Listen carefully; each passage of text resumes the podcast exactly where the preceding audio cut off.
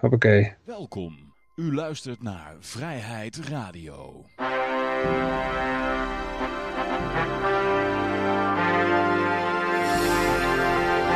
Ja, dames en heren, jongens en meisjes, dit is weer een nieuwe aflevering van Vrijheid Radio. Leuk dat u luistert. We zitten hier gezellig in Café Libertaria met op dit moment uh, alleen uh, Yoshi en ik, Johan. Yes. Maar als het goed is, komt Peter er zo meteen ook nog bij.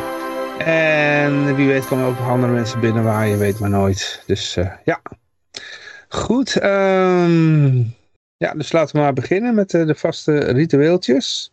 Ik ben zoals altijd nog aan het eten, Johan. Dus als jij even de getallen ja. er doorheen jaagt. Ja, ik doe eerst even de e-guldens. Die gaan we even weggeven. Hoppakee. Oh ja. Hierboven, Wallet, als je, hem nog niet, als je dat nog niet hebt, schrijf je PUC-code op en je pincode en noem maar op. Gewoon doen. Als je niet snapt waarom, gewoon doen. Laten ze hem dankbaar zijn.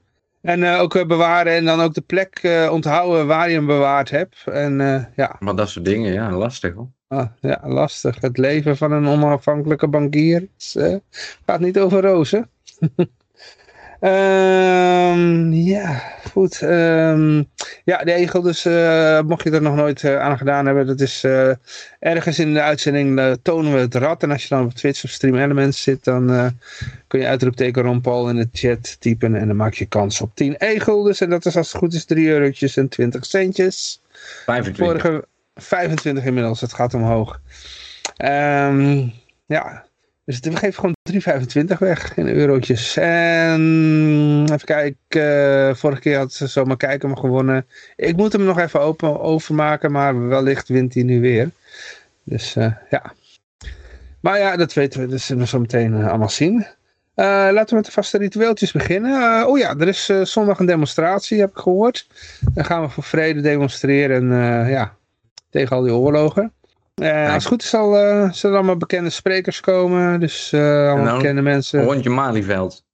Nee, in Amsterdam is het. Dus oh. een rondje Dam, denk ik. Rondje om ja. de Dam. Ja, een rondje door de stad, denk ik. Um, ja, als het goed is komen allemaal bekende mensen uit Wappieland, zeg maar. Kun je al die lege ramen bekijken, Johan, die ze gesloten hebben. Oké. Okay. Toch? Dat is toch allemaal nou ook aan het sluiten in Amsterdam? Dat is al heel lang gaande, joh. Ja, ja. Nou. De betutteling, ja. En zit er dan iets nieuws in die ramen of weet je dat niet? Ik heb geen idee. Oh. Dat is één ding wat ik zeker weet. Ja, oké. Okay. Nou, dat, is, ja. dat is ook prettig. Ja, ja, ja. Maar we gaan even kijken wat er allemaal uh, te beleven is. We beginnen eerst even met de getalletjes. Er wordt wat in de chat gezegd. Uh, lekkere frikandelletje zegt, de betutteling is ons grootste gevaar. Ja, onder andere. Ja. Um, laten we beginnen met de bitcoin. Dat ging uh, lekker op en neer deze week. Hij had de 52.000 eurotjes, of dollartjes bedoel ik, aangeklikt, aangetikt. En nu staat hij op, nou eigenlijk 51.000. Net niet. Maar het gaat lekker op en neer, tussen de 50 en 52.000. Dus uh, maar hij zal waarschijnlijk wel doorheen breken. Um, even kijken, dan gaan we naar het, uh, de ruwe olie.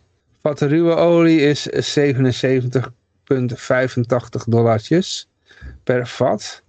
Het gaat omhoog vandaag. Als we hem even op uh, zes maanden zetten. Ja, het heeft hoger gestaan. Um, dan gaan we naar de, het goud toe. Het goud staat op 20.000... Uh, nee, sorry, uh, twee, sorry, 2035 dollartjes. Ja, even uitzoomen. Ja, het gaat weer omhoog. Het heeft hoger gestaan de afgelopen maand. Maar ja, het gaat lekker op en neer. Uh, dan hebben we nog de DXY. De DXY die staat op 104 nog steeds. even uitzoomen. De laatste drie maanden. Ja, het is, hij is aan het stijgen. Dus ja, het gaat nu weer ietsje, ietsje omlaag. Dan gaan we naar de LP-agenda. Oh, even kijken. Oh, die heb ik toch nu weer... Oh, die heb ik per ongeluk weggeklikt. Jongens, het stond voor mij. Uh, maar uh, goed, uh, er wordt geborreld. en we gaan even kijken waar er allemaal geborreld wordt. er wordt morgen sowieso geborreld in Noord-Brabant, in Eindhoven om precies te zijn. om uurtje of zeven, dan gaan ze tekeer in, de, drie, drie, in de drinkerspub. In Eindhoven. Ja, begint om 7 uur. Gaat door tot half elf. Maar ik denk, ja, die Brabanders kennen. Dan gaan ze gewoon door tot, uh, tot het vat leeg is. Eh, LP Zeeland wordt ook geborreld. En dat is om, begint om half acht, gaat door tot half elf. En dat is in de stadsbrouwerij van Terneuzen. Ja, Amsterdam wordt ook nog geborreld. En dat is op, eh, oh ja, ik moet even de tijden erbij zetten. De, Eindhoven wordt op 23 februari geborreld en in Zeeland is Terneuzen is dat op 24 februari. In Amsterdam is het op 29 februari, begint om 5 uur. En dat is in uh, Amsterdam. En ja, goed, gaan door tot 10 uur. In Friesland is het op 1 maart uh, weer raak. Daar wordt in Leeuwarden in de brouwerij geborreld op ja, 1 maart van, vanaf een uurtje of 7. Utrecht wordt ook geborreld op 1 maart en dat is om half 8 in Café Orlof in Utrecht. Uh, we hebben nog een borreltje in Rotje Knorren. Dat is op 2 maart en het begint om 8 uur in café uh, Bok, Bokat, Bokaal. Sorry, Bokaal. Ja. En dan hebben we hier nog een themagesprek over migratie en de woningmarkt op 12 maart. In Dimitrius in Amsterdam. Dat is uh, om 7, 5 uur begint dat. Het vrije wildebat zal in Nijmegen losbarsten. En in het Koningshof 51 in Nijmegen. En dat zal, ik vermoed, onder uh, leiding van onze heer Hugo uh, zijn. De huisfilosoof van LP. Oh. Misschien kunnen we hem tegen die tijd even aan zijn jasje trekken. Aan zijn colbertje. Ja.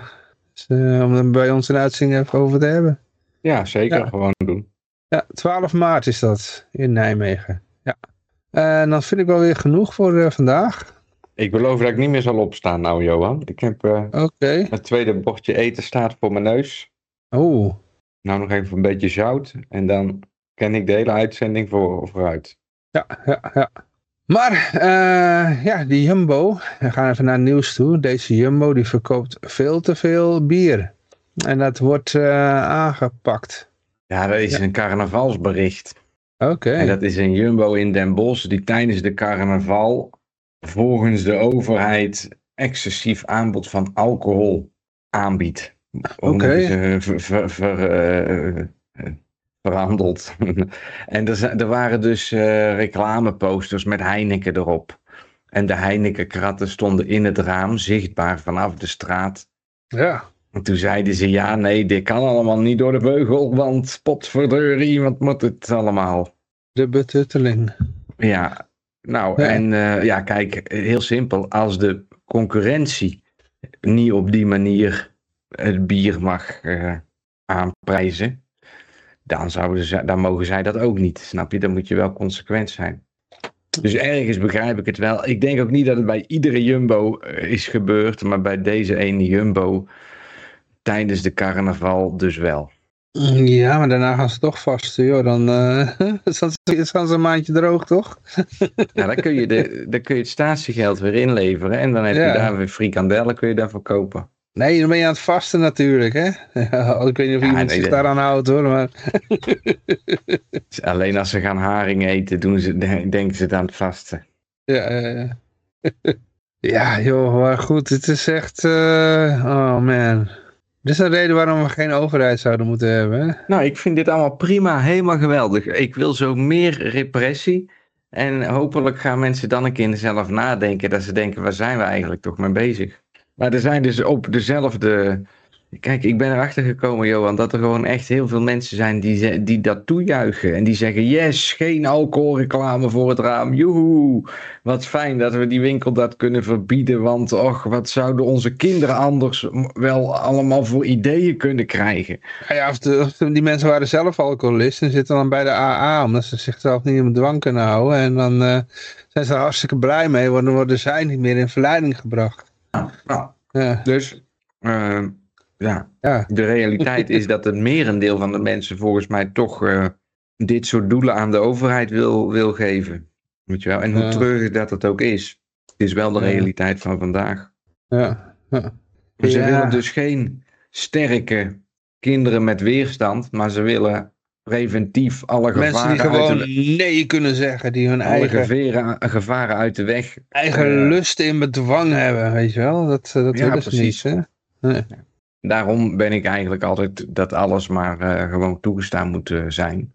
Mhm. Want het bestaat nou eenmaal. Dus het, het, het heeft een impact op wat het voor jou doet. En die ervaring moet je, moet je gewoon kunnen hebben. Mhm. Je? Eh, Bouw maar weerstand op. Ik heb de overheid nodig, want anders ga ik gewoon spontaan haring met slagroom eten. Dat, Ja.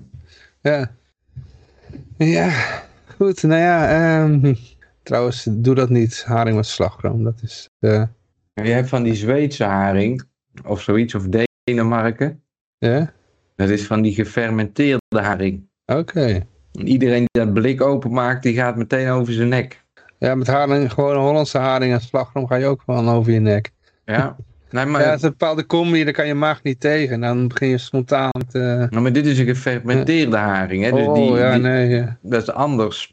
Er zijn mensen die dat eten? Ja, dat wordt verkocht in blik. Oké, nou ja, ik drink gefermenteerde druivensap. Ja. En ik eet rauwe wortelen. Oké, ja. Ik ben Hm. tegenwoordig gestopt met, het, met de groenten te koken en zo. Behalve broccoli's nog wel en eh bloemkolen ook wel een beetje. Mhm.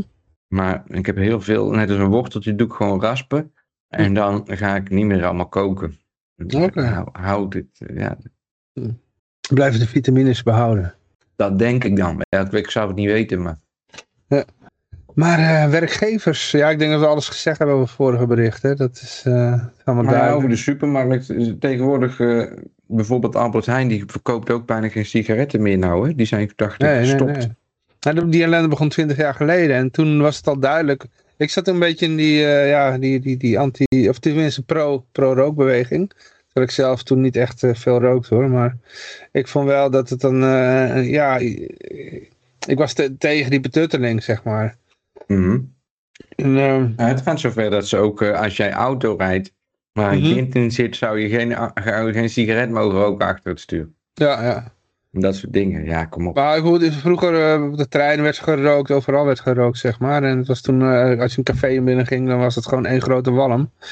En die, die tijd heb ik nog meegemaakt, weet je wel. Misschien kan jij Ja. het ook nog vaag herinneren. Dat de Ik heb het hier elke dag. Ik heb het hier iedere dag als ik naar het restaurant ga. Dan zit iedereen gewoon te roken. Dan mag het nog. Ja, ja. En eh, als je nu ziet, er wordt bijna nergens meer gerookt. En eh, het, is, het is een uitzondering als je iemand ziet roken. Maar het is, eh, toen, we, toen we begonnen dat, zeg maar, hè, met die hele repressie. En begon ook met dit soort dingen. Met, met, reclame gingen ze eerst aanpakken. Dus de reclame, rookreclame mocht niet meer op tv. En toen was ook al, eh, hoorde ik ook al van iemand die dan eh, contact had bij de EU. Dat ze daar al bezig waren met de volgende stap. En dat was dan het alcohol aanpakken. Vet willen ze aanpakken. Suiker willen ze aanpakken. Dus uiteindelijk willen ze allemaal sla, sla-eters van ons maken. En insecten, hè? En insecten, ja. Ja. Als ze nou garnalen zouden kweken, dan had ik misschien nog wel... eh, ja, ja. Dus ja, het, is, eh, het gaat die kant op. En het is, eh, het is een gevecht. Maar eh, ja, gaan we dat... eh, ja... Laten we dat 1 over euro ons... e-gulden. 1 euro e-gulden, Johan. Ja, ja. Maar laten Ja. we dit allemaal over ons heen komen. Want het is, eh, kijk, de, Zolang de e-gulden nog niet op 1 euro staat, laten wij het allemaal op ons heen, over ons heen komen. Ja, ja. Hey, de punt is, kijk, als je de, de, ze, ze beginnen met, kijk, misschien heb je, hou je niet van roken of zo, en vind je het smerig. Maar ja, het punt is dat, dat als ze dat van, eh, van, van mensen af kunnen pakken, dan volgt Sorry. de rest ook, weet je wel. Want dan weten ze van, oké, dit werkt, en nou, ja, nu kunnen we het volgende doen, weet je wel. Het is, En op eh een dag komen de aliens en dan is het buitenlopen, eh, dit mag niet meer. ja, ja, Maar dan kan de alien de corona krijgen. ja, ja. Hm. Maar eh, werkgevers eh, moeten CO2-voetafdruk van de werknemers gaan bijhouden. Jongens, ja, ja, ja je wordt via je, Solidair met de aliens. je gaat via je werkgever ga je bespioneerd worden. Vanaf 1 juni moeten de werkgevers eh, met meer dan eh, 100 eh, personeelsleden eh, de emissies bij gaan houden van eh, woon- en werkge- woon-werkverkeer. Ja. Ja. Oh man. Ja, waarmee dat ze dan waarschijnlijk ook nog eens een koppeling moeten gaan maken met het type vervoer wat iemand gebruikt voor de afstand die wordt overbrugd. Ja. En dan krijg jij personeelsleden die op de fiets komen. Nou, oh, dat zijn de helden, weet je wel. Ja, ik, ja, eh, wonen- ik heb dat meegemaakt op mijn werk. Toen stonden ze in één keer... eh, Ik, kom op de, ja, ik, ga, nee, ik pak gewoon de fiets op mijn werk. Gewoon puur omdat ik het leuk vind. Niet omdat ik het een fuck om milieu geef. Maar ik heb een Hmm. hekel van aan het OV. En ik, daarom ga ik gewoon liever met, met de fiets. En als, als, als het even niet regent, pak ik gewoon de fiets. Dus. Ja. ik kwam eh, het werk binnenrijden en eh, de parkeerplaats op. En eh, er, stonden, er stonden allemaal mensen mij toe te juichen. Want ik was een held. En ik denk, nou, ja, nou ja. Waar de fiets komt. Ja, ja. Dat was een, Hey, pa- een tijdje terug was dat, een tijdje terug. Zei jij tegen hun, wanneer is de laatste keer dat jullie met het OV zijn geweest? Ja, ik zeg, nou ja, het is dat het OV terug zo'n ellende is. eh. daarom kom ik op de fiets. Ja, Ja. eh. oké. en omdat ik gewoon fietsen leuk vind hoor. Dus eh, ja. Ik heb, van het weekend heb ik ook weer, wat is het, bijna 100 kilometer gefietst. Dus ja. En dan maakt het dus ook nog uit wat voor auto dat je rijdt waarschijnlijk, weet je wel. Ja. Als jij de elektrische variant rijdt, telt jouw uitstoot minder hard mee dan de laatste V8 ja. motor van de buurman. Maar goed, ja Johan, het- we roepen het al tien jaar. Dus eh, ze zijn heel erg blij dat je dit allemaal kan bijhouden. En dat die Mhm. controle kan worden gedaan op geregistreerde gegevens. Ja. En op die manier kunnen ze de volgende lening bij de bank weer verkopen. Dan zeggen ze, kijk eens hoe goed dat wij onze personeelsleden... Nou, het is Oh, ook nee. weer extra bureaucratie hè, voor zo'n voor zo'n bedrijf. Hè. Dus er moet gewoon waarschijnlijk ook weer een mannetje extra ingehuurd worden. Dat Ja, voert eigenlijk ook weer, gewoon weer de prijs op van het product wat ze eh, leveren. Ja, ik denk dat ik dat ga doen. Dan ga ik een bureautje beginnen in de CO2-afdruk berekenen. En dan ga ik iedereen zijn gegevens. eh Dan zeg ik: hé, hey, waarom was jij vorige week bij eh, die afslag naar links gegaan in plaats van naar rechts? Want dat is helemaal niet optimaal. Ja. ja, maar het is gewoon je- compleet nutteloos, joh, dit. Nee, controle, Johan, controle. Ja, uiteindelijk is het controle. Ja, voor de machthebbers is het natuurlijk weer een middel, een stok om mee te slaan natuurlijk. Het volgende is natuurlijk dat, je, dat er boetes gaan komen van mensen die te veel, eh, eh, te veel vervuilen of zo. Nou, Ja, daar spreken ze ook openlijk over. Er Ja. komen emissierechten en iedereen krijgt een bepaalde hoeveelheid. En Ja. als jij ze wil claimen, dan zijn ze, weet ik het wat, een paar honderd euro waard. maar die kon je ook weer afkopen als je dan ergens een stukje Ja. bos had. Want dat is dat wat ik een, paar uitzendingen geleden vertelde. Van, dat ze al nu al bezig waren, dat er hele, hele van die oliebedrijven, die kopen hele bos in Suriname op. Hè? Van hele oerwouden worden gewoon opgekocht. En dan eh, kunnen zij gewoon lekker doorgaan met uitstoten. Want eh, we hebben dat oerwoud in, eh, in Suriname hebben we. Ja, zo gaat dat. Ja, ja goed, het is geen geen goede ontwikkeling. Dit, maar ja. Ik vind van wel, Ja, laat die, ja, tuurlijk, net als het vorige bericht. Laten al die mensen maar flink in de gaten krijgen wat voor een overheid dat ze hebben. Ja, nee, ja, kijk, kijk, ik hoor sommige mensen ook praten en die, die praten het allemaal goed, hè. Die, die zitten helemaal in dat narratief. En die geloven er nou. gewoon in. Die, eh Ja, die ja, vinden het goed, goed dat gebeurt. Eindelijk gebeurt er wat. Want eh, anders vergaan we, gaat, vergaat de wereld. Gaan we allemaal dood. Ja, Ja, nou, het- hetzelfde met die, met die bierreclame in de supermarkt en het sigaretje in het, eh, in het café. ja.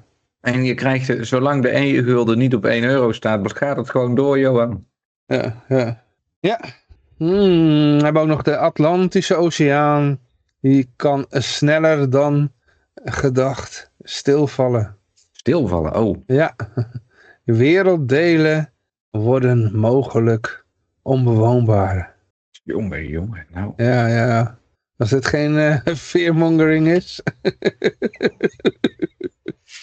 maar er zijn mensen die geloven deze shit, hè?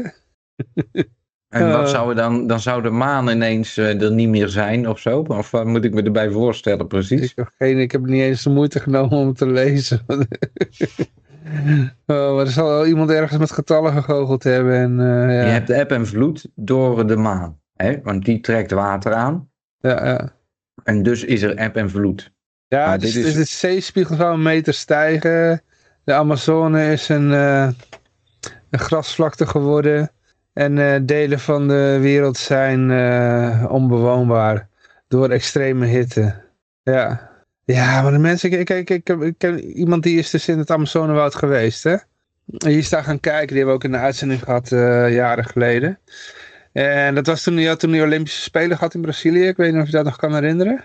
Nee. Nou, ik, hij is toen van een libertarisch eh, tijdschrift, geloof ik, VIE. ehm, FEE, dat is de Ah, ik weet niet, van die man met dat vlinderdasje, hoe heet hij nou? Ik ben zijn naam even kwijt, maar... Oh, ja. In ieder geval 4.org. En eh, hij is toen, daar toen wezen kijken. En eh, ik geloof ik een jaar of twee jaar na die Olympische Spelen hoe het erbij lag.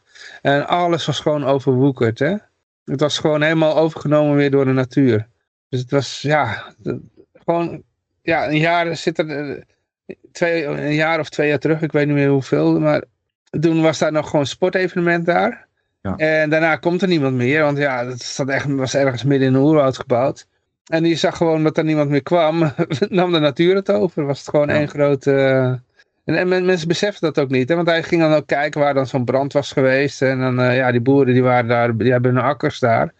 En die, die, eh, zeg maar, dat oerwoud dat rukt zo snel op. Dat ze, ja, als ze even die akker hebben, als ze hebben geoogst en ze willen dan weer gaan zaaien. Dan is het echt binnen een hele korte tijd, zit, groeit er weer van alles. Ja. Dus dan moeten ze dan wegbranden. Ja, dat zijn die bosbranden, die zogenaamde bosbranden. Maar het is, eh, als, als eh, iemand, als eh, ja, die akker een tijdje niet verbouwt, dan is het binnen no time is het weer jungle geworden. Dus ja, het is, ja, maar goed. Nou, het is dus een hypothese van een of andere man. Die heet, maar zal- ik zag net zijn naam. Mhm, de man heet mhm. Van Westen. En die heeft een stelling ontwikkeld. Mhm. Met behulp van computermodellen. Dus is volledig eh, waterdicht, Johan. Uh, gewoon wie uh, ChatGPT heeft hij gevraagd hoe, hoe de toekomst eruit zal zien. Ja, als, als de stroming eh, zou stoppen. Nou, en als de stroming zou stoppen, dan zou dat weer verschrikkelijk zijn. En deze maar man is er ja, sprake van dat de stroming gaat stoppen? nou ja, hij zegt nee, maar stel dat, dan eh, is dat heel Oh. gevaarlijk. Maar hoe groot is de kans dat de stroming zou stoppen? Ja, Een miljardste of zo? kijk, dan zeggen dit soort mensen van Westen, zegt dan groter dan 0%, zegt hij dan. Oké. Snap je? Ja, dus 0,0000000. Nee, maar er is een kans en dan moet je het er ook, eh, stel dat je dat kan voorkomen, door nu al alvast eh, heel de Noordzee vol met windmolens te zetten. Ja, en door je afval te scheiden, voorkom Ja. je dat dit gaat gebeuren. En die CO2-rechten van het vorige artikel natuurlijk, hè? Ja, ja, ja. Ja, dus eh, nee, dat is... Daarom krijgt deze Van Westen in het AD een uitgebreid artikel eh, te schrijven. Ik ben wel blij dat je via Archive dit opzoekt, Johan. Dan Ja, kan dat is een zien. goede manier om, om die uh, Ja. te omzeilen. Dit is gewoon, daar moet je voor betalen hè, om dit te mogen lezen. Ja, ja, ja. We vinden er altijd wel een weggetje omheen. Het is net als met wetten. Het zit ook vol met mazen. Hm. Maar uh, handhavers, boswachters en politie trekken de bossen in. Mag ik uw uh, mountain e-bike vignet even zien? Dus als je je afvraagt van, uh, hè, waar is de politie toch? Er is net bij me ingebroken. En, of ja, nou ja, ik weet niet of je gewoon door, uh, hoe heet het, je, je batterij van je e-bike is gejat, weet je wel. En uh, op klaarlichte dag. En uh, je hebt de, de daders ook nog het zien doen. Of, en de politie is nergens te bekennen. Dus ja, dan vraag je je af, waar is die politie dan? Nou, die je zijn moet in de bossen. Een vin, je moet een vignet moet je kopen om door het bos te mogen rijden. Wat denk je daar dan van, Johan? Nou, als je een mountain e-bike hebt, dat gaat om een zo'n speedpedaler, denk ik. Oh, oh, Ja. oh, oh, oh. En die hebben hun eigen wegenbelasting als een soort... eh, Ja, maar ze zijn niet specifiek op zoek naar mountain e-bikers hoor. Maar het gaat meer dat, dat de politie die is de bossen ingetrokken. Want uh, ja, Nou, dit is gewoon uh, natuurbeheer hoor. Hoe zeg je dat? ja. Dat is geen politie die... ja die handhavers, boswachters en politie staat er in de titel. Oh, oh, oh, oh. Ja. Een grootschalige uh, controleactie van de politie, boswachters en handhavers in de bossen en recreatiegebieden van uh, Soest en Baan. Oh, daar fiets ik ook wel eens. Uh, nou, hier zouden ze het een heel stuk moeilijker hebben, Johan. Want als je bij mij, waar ik geboren ben, het bos Ja. in zou rijden, kun je in het bos rijden tot aan België. Oké. En als je dan een goede mountainbike hebt, dan schiet je gewoon, blijf je gewoon doortrappen. Dan kom je gewoon in België uit. Oh joh, Ja, vanuit uh, Servië. ja vanuit Servië, ja. Oké. Ga je eerst bij Wonderland linksaf. Nee, waar, waar ik geboren ben, Johan, in Breda. Oh, daar bedoel je. Ja, ja, ja, ja, ja, ja. Oké, ja. Nee, ja, goed. Nou ja, het is, eh, ja, ik, ik heb daar toevallig gefietst. eh, nou, niet zondag. Nee, want zondag was een beetje kut weer. Dus er waren mensen die tijdens dat kut weer toch nog zoiets hadden van, nou ja, we gaan toch naar de natuur in, on, ongeacht de regen. En er stond daar in de regen stond dus de politie te handhaven. Maar heel even dat ik het goed begrijp, Johan, want er wordt hier over een vignet gesproken. Dat is dus niet voor gewone fietsen die een rondje willen fietsen. Dat is alleen voor bepaalde soorten e-bikes. Ja, maar ik denk niet dat ze specifiek eh, daarop alleen maar aan het zoeken waren, maar eh, gewoon... Nee, maar- eh, ja? Ik, ik kan, ze doen het in dit artikel voorkomen alsof dat je als mountainbiker die daar wil rondfietsen een vignet moet aanvragen voordat jij met je fiets daar doorheen mag rijden. Nee, dat gaat of je, of je voor je... Want je ziet tegenwoordig overal de jongeren met- op die eh, speedpaddlers en, eh, en die- dat soort fietsen, fatbikes, eh, zie ze rond eh, rijden. En daar schijn je dan toch eh, een papiertje voor te moeten hebben. Oh, oh, oh. Ja, ja eh, je bent al een tijdje niet meer in Nederland geweest, hè? Nee, nee, dat is zo. Als je, Maar dat is eh, dus voor bepaalde eh, fietsen, niet voor het- de locatie. Nee, nee, nee, nee, nee, nee. Nee, ze zoeken gewoon redenen om mensen een... Oh, dat gaat Ja, uitstekend, uitstekend. Ze zoeken gewoon Ik een zou- reden om mensen gewoon te pesten. Perfect. Ja. Meer. Ik wil het nog meer. Ja, ik denk niet dat de mensen eh, daardoor in één keer eh, egels gaan kopen hoor. Nee, maakt niet uit. Ja. Ehm, maar het is allemaal natuurlijk voor, voortaan- voor onze veiligheid natuurlijk. Hè? Voor- Dus, eh, moeten ze dit ook gewoon om kwart voor zeven in de ochtend gaan doen. Dat iedereen die dan op zijn fiets zit ook nog te laat komt op zijn werk door die controle. En Ja, helemaal ja, in de haast zichzelf overhoop rijdt omdat hij dan toch nog snel het oranje mee wil pakken. ja. Nee, maar hier hebben we nog meer van eh, de, eh, nog meer handhaving. Tim is geflitst door een slimme camera. 380 euro voor het krabben aan zijn oor. Nou, dat was een slimme camera. Die schijnen dan tegenwoordig te hebben. Die zijn heel slim. En die zien dan niet het verschil tussen wanneer iemand aan zijn oor aan het krabben is. Of wanneer hij eh, aan het bellen is. Dus het is eh, een emotieloze camera. ja, ja, ja. Zo zou ik hem dan willen omschrijven in plaats van slim. Maar die ziet iemand zo doen. Dus die gaat en denkt meteen, oh, die is aan het bellen. Ja, En het grappige was dat die man, eh, Tim, die werkte, als het goed is, die zat in deze business ook. Ik heb het verhaal ook elders gelezen. wat in de Ja. slimme camera business. Ja, die had er iets mee te maken. Dus dat was een beetje karma is een bitch. eh. Oh ja. ik weet niet of het hier ook nog in staat. Volgens mij heeft hij het dan expres gedaan. Ja, eh. Dat deed hij gewoon om zijn eigen software te testen. Ging hij elke keer langs die flitscamera met, eh, met zijn hand aan oor. In de Ja. hoop dat hij een keer af zou gaan. Eh, eh.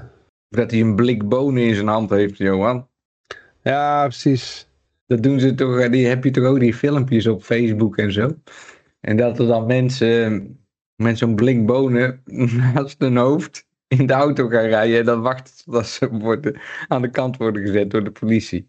Ja, ja, ja. We Of gaan ze in de-.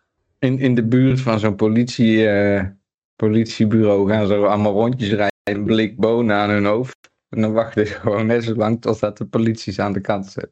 Ja, ja, ja. En dan zegt de politie, wat bent u aan het doen? Zegt hij, niks, ik heb gewoon een blik bonen in mijn hand. nee, maar dat was een blik telefoon. Nee, nee, het was een blik bonen. Oké. Ja, Ja, moet het schijnt dat die, die boete uiteindelijk eh, kwijtgescholden is hoor. Dus ik heb, een, ik heb een ander bericht eh, over hetzelfde ook ge- gelezen. Dus eh, Ja. ja, als hij zelf dit... eh, ik zeg al, als deze... Jij zegt net eh, dat hij dit ontwikkelt, die slimme camera's. Dus deze vent die heeft lopen bug, bug bounty'en. Die heeft gewoon getest. En die is langs al die slimme camera's gereden met zijn hand naast zijn hoofd. Net zolang totdat hij een keer ergens een foto kreeg. eh, eh, eh. zou kunnen, ik weet het niet. Ja. Maar eh 100 euro boete voor eh, hardlopers die eh, regenplas proberen te vermijden. Eh, we wilden Goed geen boete. Ja. Ja, meer. ze, ze dachten een regenplas te kunnen vermijden door eh, even eh, hoe dat, door via het ruiterpad te gaan. En dat, eh, ja. Kennelijk stond, stond ja, dat was dezelfde actie misschien. Nou, het is inderdaad, het staat wel behoorlijk blank hier zo. Dat staat bij de foto, die, ik weet niet of ik die kan laten zien. Oh, dat is een Castricum.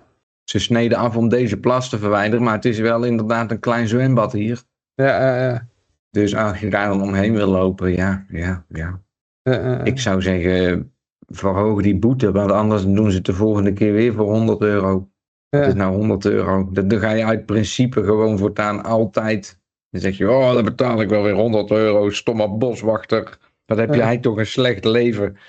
Toch? Dan zo ben ik dan. Dan vind ik het gewoon waard om iedere keer iemand te vertellen van, moet je kijken, wat is nou de eer van jouw baan om 100 euro boete te geven. ja. Dat je zo'n boswachter helemaal huilend, huilend eh, op, achter de boom hebt. ja. Ja, oh, ik, weet, ik wou dat ik andere keuzes in mijn leven had gemaakt. Dat ik geen boswachter was geworden. Nee? ja. Nou ja, 100 euro. Ja, moet je wel zeggen, heel warm. Wordt de natuur er dan beter op of zo? Maar het gaat niet om. Regels gelden voor iedereen, hè? Ja, ja. Kan niet eh, de, ene, en de, de ene wel en de andere niet. Ja, En, en ik denk dat zo'n boswachter bijvoorbeeld per jaar ook best een quotum zal hebben. En dat ze zeggen, nou, jij moet per jaar voor, eh, voor 13.000 euro aan boetes uitschrijven. ja ik weet niet, voor mij is die quotas maar weer afgeschaft. Hè? Dat eh, leidde niet tot gezonde situaties. Dus dat hebben ze toen afgeschaft. Nee, precies. Maar ze hebben ondertussen wel allemaal een, eh, een, een training, boetes geven gekregen. En dat ze zeggen, nee, maar we doen het vooral niet voor het geld, maar je moet wel de regels echt handhaven. Je moet, als er een situatie voorkomt, moet je niet zeggen van, nee, jou voor deze ene keer. Want anders dan leren de mensen er niet van. Je moet meteen, nou, en dan geven ze toch meer boetes. En die boetes zijn vaak sowieso, als onder de 100 euro zijn, zijn ze niet eens winstgevend. Hè? Dus eh, geloof dat een boete moet iets minimaal iets van 150 euro zijn voor het, eh, wat oplevert voor de staatskast. Ja, maar, Het verwerken van een boete, dat schijnt best wel eh, veel te kosten. Want, ja, ja, maar het gaat ook over de massa. Je moet ook volume draaien. Ja, eh, ja, nee, want het is kijken van hoeveel een ambtenaar ermee bezig is met verwerken. Dus Ja, precies. Maar als jij dan maar de Ja. helft van de boetes uitschrijft, Johan, dan Mhm. is een boete nog weer twee keer zo duur, snap je? ja, eh, ja, maar ze, ze, ze- voor iedere boete is een eh, politieagent heel veel tijd kwijt. Hè? En daarnaast ook de- al die andere ambtenaren die het eh, ook nog moeten eh, verwerken. Ja, ja. Ja. Dat is ooit een keer uitgerekend. Dus ja, het komt niet uit... ja, ik, ik citeer maar iemand. Ja, Ehm, precies. Nou ja, goed. Ik kan er heel, hoe zeg je dit? Filosofisch op ingaan. ja. Nou, zal het je besparen. Laten we maar naar de volgende gaan. Over acht minuten komt Peter, want we zeggen niet dat hij met een tijdsverschil zit, maar dat laat hij zelf wel zien door acht, over acht minuten binnen te komen. Oh, is het, eh, is het alweer zo laat? Ja. Oké. Ehm, even kijken. 100 euro boetes die hadden we gehad. Eh, Amazon. Oh ja, kijk even hoe het in Amerika eraan toe gaat.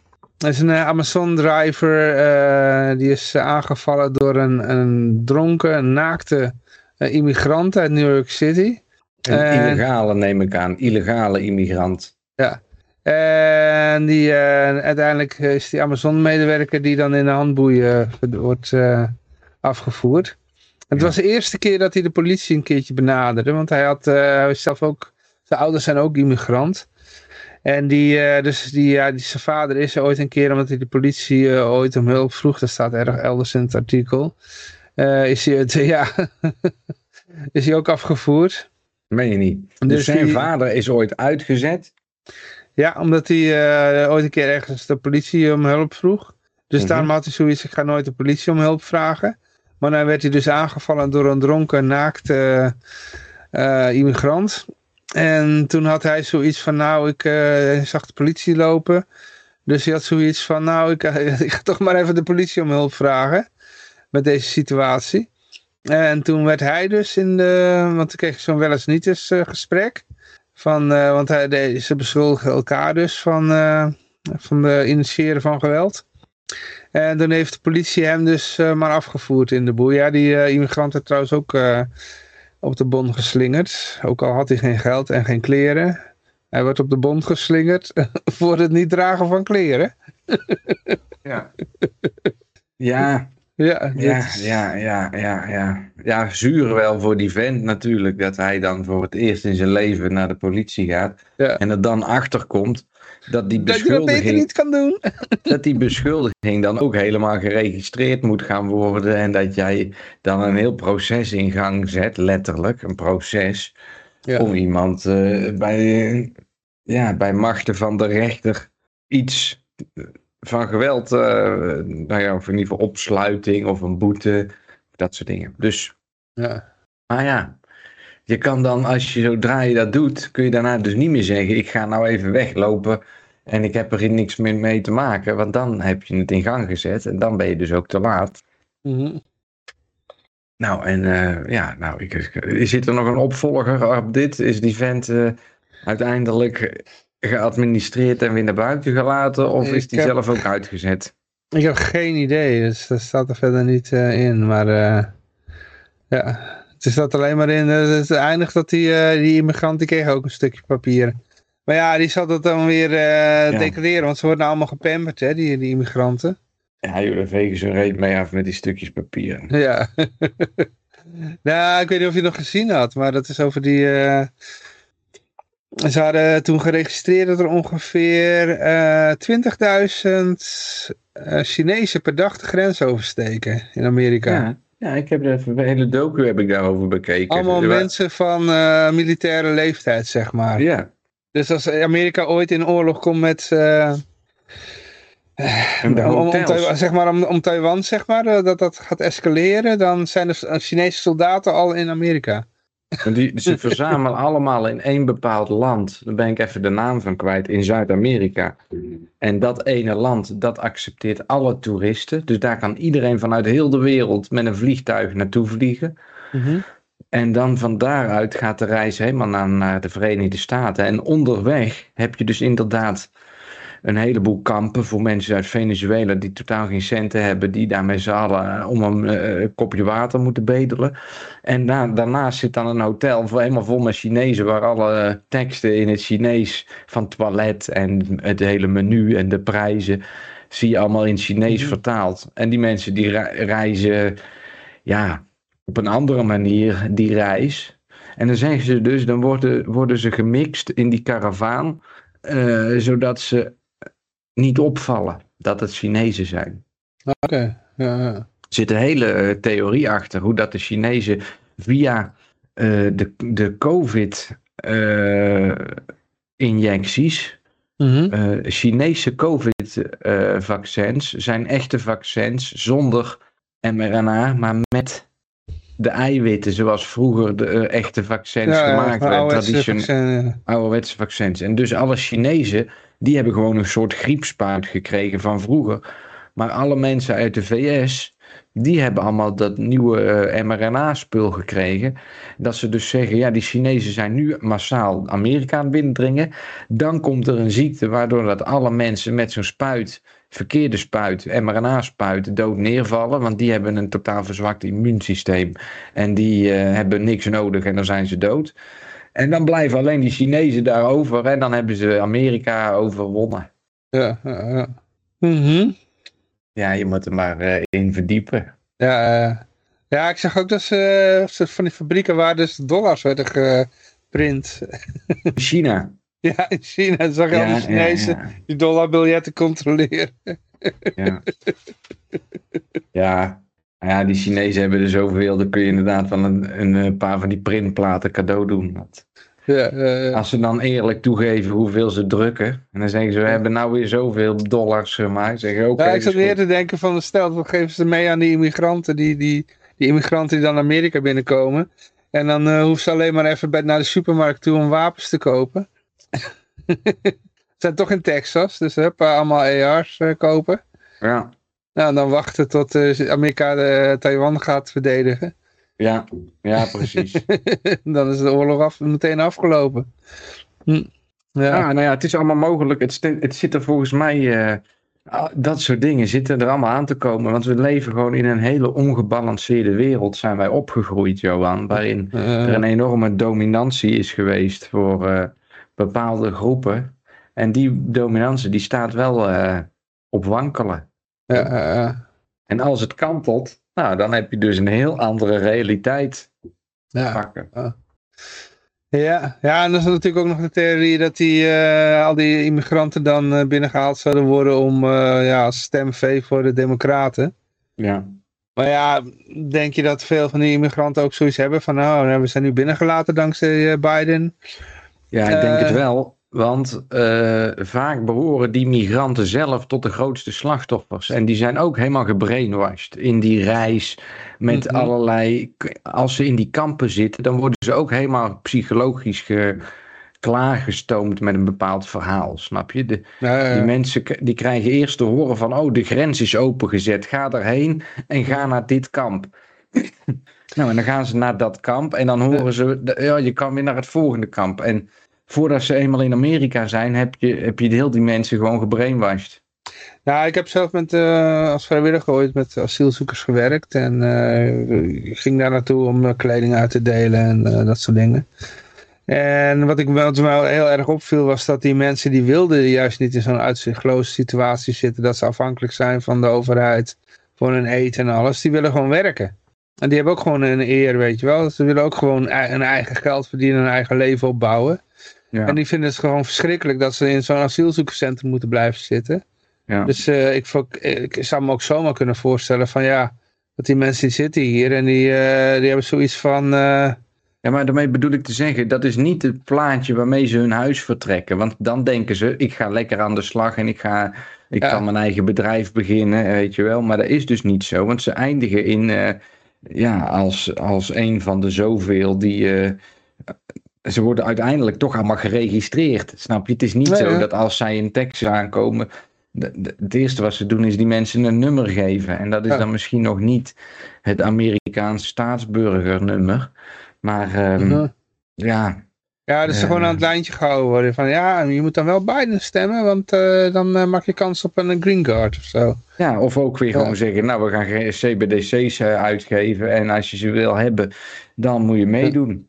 Nee, maar ik kan me zo voorstellen dat, die, dat heel veel mensen, als ze dan in zogenaamd in the land of the free zijn, dat ze zoiets hebben van, nou ja, eerst wat ik wil doen, is niet meer afhankelijk zijn van een handout van, uh, van de een of andere overheid. Ik ga mijn eigen bedrijfje beginnen. Dat zou ook gewoon ja, kunnen. Okay, maar dan zijn, zijn dus, er gewoon mensen hoor. Dan loop je dus tegen het probleem aan dat jouw nummer wat jij geregistreerd hebt niet in staat is om een bedrijf te starten. Snap je? Ja, Want dan, zeg je, dan zeggen ze bij de Kamer van Koophandel bijvoorbeeld. En daar hoef je helemaal geen gebruik van te maken voor een bedrijf van te beginnen. Dat weet ik ook allemaal wel. Maar, maar uh, hoeveel illegale zijn er gewoon niet? Er zijn heel veel illegalen die gewoon dan werken als uh, huis, uh, huishoudster of als ja. takelverkoper langs de weg. Tuurlijk. Ja. Is allemaal waar. Is allemaal waar. Ja. ja. Dus uh, ja. Maar goed, ja, we gaan even naar Het worden er heel veel nu, hè. Die immigranten worden ja, nu wel... Ja, miljoen, hè. Dus, uh... Het begint nu op te vallen. Maar ook daarin heb ik weer zoiets van, ja... Ja, doorgestoken kaarten is het niet natuurlijk. Maar het is gewoon, dit is het spelletje. En de mensen doen net alsof het allemaal nieuw is voor ze. Van, oh nee, kijk nu eens wat er gebeurt. Ja, het gebeurt altijd al, snap je? Ja, het is nu alleen heel erg veel. Ja. is er nog nooit zoveel geweest. Nou ja, de mensen laten het nog steeds toe. En dus is het nog steeds aan het groeien. Ja. Als, maar, jij, de, ja? als jij je voordeur openzet en, je, en, en er komt dan iemand binnen, ja, dan wie is er dan de schuldige dat er op een gegeven moment uh, een kilo suiker is verdwenen, Johan, uit je voorraadkast? Ja, ja. Moet je je deur beter dicht doen. Ja, maar uh, snuiven we straks een, een, legaal geproduceerde lijntje kook uit Colombia? Oh, uit Amsterdam toch? Ja, nou dit gaat dan om uh, legale kook uit uh, Colombia. Ja, maar waarom zouden ze dat niet in Amsterdam regelen? Daar is het altijd geweest. Ja, vroeger had je inderdaad een kookfabriek. dat is ook de reden dat die Duitsers meteen naar Amsterdam trokken toen ze Nederland binnenvielen. Want daar kon de blitzkrieg beginnen. Ja, precies. Ja. ja, nee, maar ze hebben daar in die, in die jaren heel goed op verdiend, toch? Ja, uh, volgens de Colombiaanse politicoloog uh, Lorenzo uh, Urbe is uh, 's werelds grootste exportland van cocaïne klaar voor een vo volledige regulering van de productie van, van de productieketen. maar het heeft dan wel de steun nodig van uh, landen waar de drugs terechtkomen. Zoals ja, Nederland. Maar daarom, daarom wil Amsterdam het legaliseren, die kook. Ja, uh, ja. ja dit Gezellig uh, samenwerken met Colombia. Ja, want dit gaat uh, samen met een ander iets. Dat was, um, hoe heet dat, Femke Halsema, die, die is nou aan het Dus ik, ik had het volgende artikel even erbij. Reguleerbakken. Ja, even kijken hoor. Uh, de huidige aanpak van harddrugs staat... Uh, kijk, de, de huidige aanpak van uh, harddrugs faalt. Dus moeten we de verkoop reguleren of de war on drugs opvoeren. En de rest oh, ik dacht opgeven, maar dat zit er niet in. Nee, nee, nee. Dus het een of het ander. Dus opvoeren of anders reguleren. En het heeft te maken met ja, Femke Halsma, die heeft een artikel geschreven in The Guardian. Waarin ze dus, ja, uh, zij, ja ze heeft het dan over reguleren. Dus ja, dat is ook niet waar wij helemaal voor zijn. We hebben zoiets van uh, gewoon helemaal ophouden met mensen straffen voor wat ze in hun eigen lichaam stoppen. Het is hun lichaam, ze mogen zelf weten wat ze erin stoppen. Regulering zorgt alleen maar voor ja, hogere prijzen en slechtere kwaliteit in zekere zin. Nou ja, kijk, je kan zeggen, kijk, wijn is ook gereguleerd. En ik uh, drink nou op zich wel een prima wijntje, maar... maar volgens mij niet, toch? Want daar, dus, en wijn is, een, is het enige product in de EU waar je geen ingrediëntenlijst op hoeft te zetten. Ja, inderdaad. Je moet uh, inderdaad wel, wel als, je, als je wil weten hoe dat fermentatie fermenteringsproces in gang is, moet je een uh, unoloog zijn, zoals het heet. Dan heb je verstand van het hele proces. Van wat ze allemaal in die wijnvaten pleuren.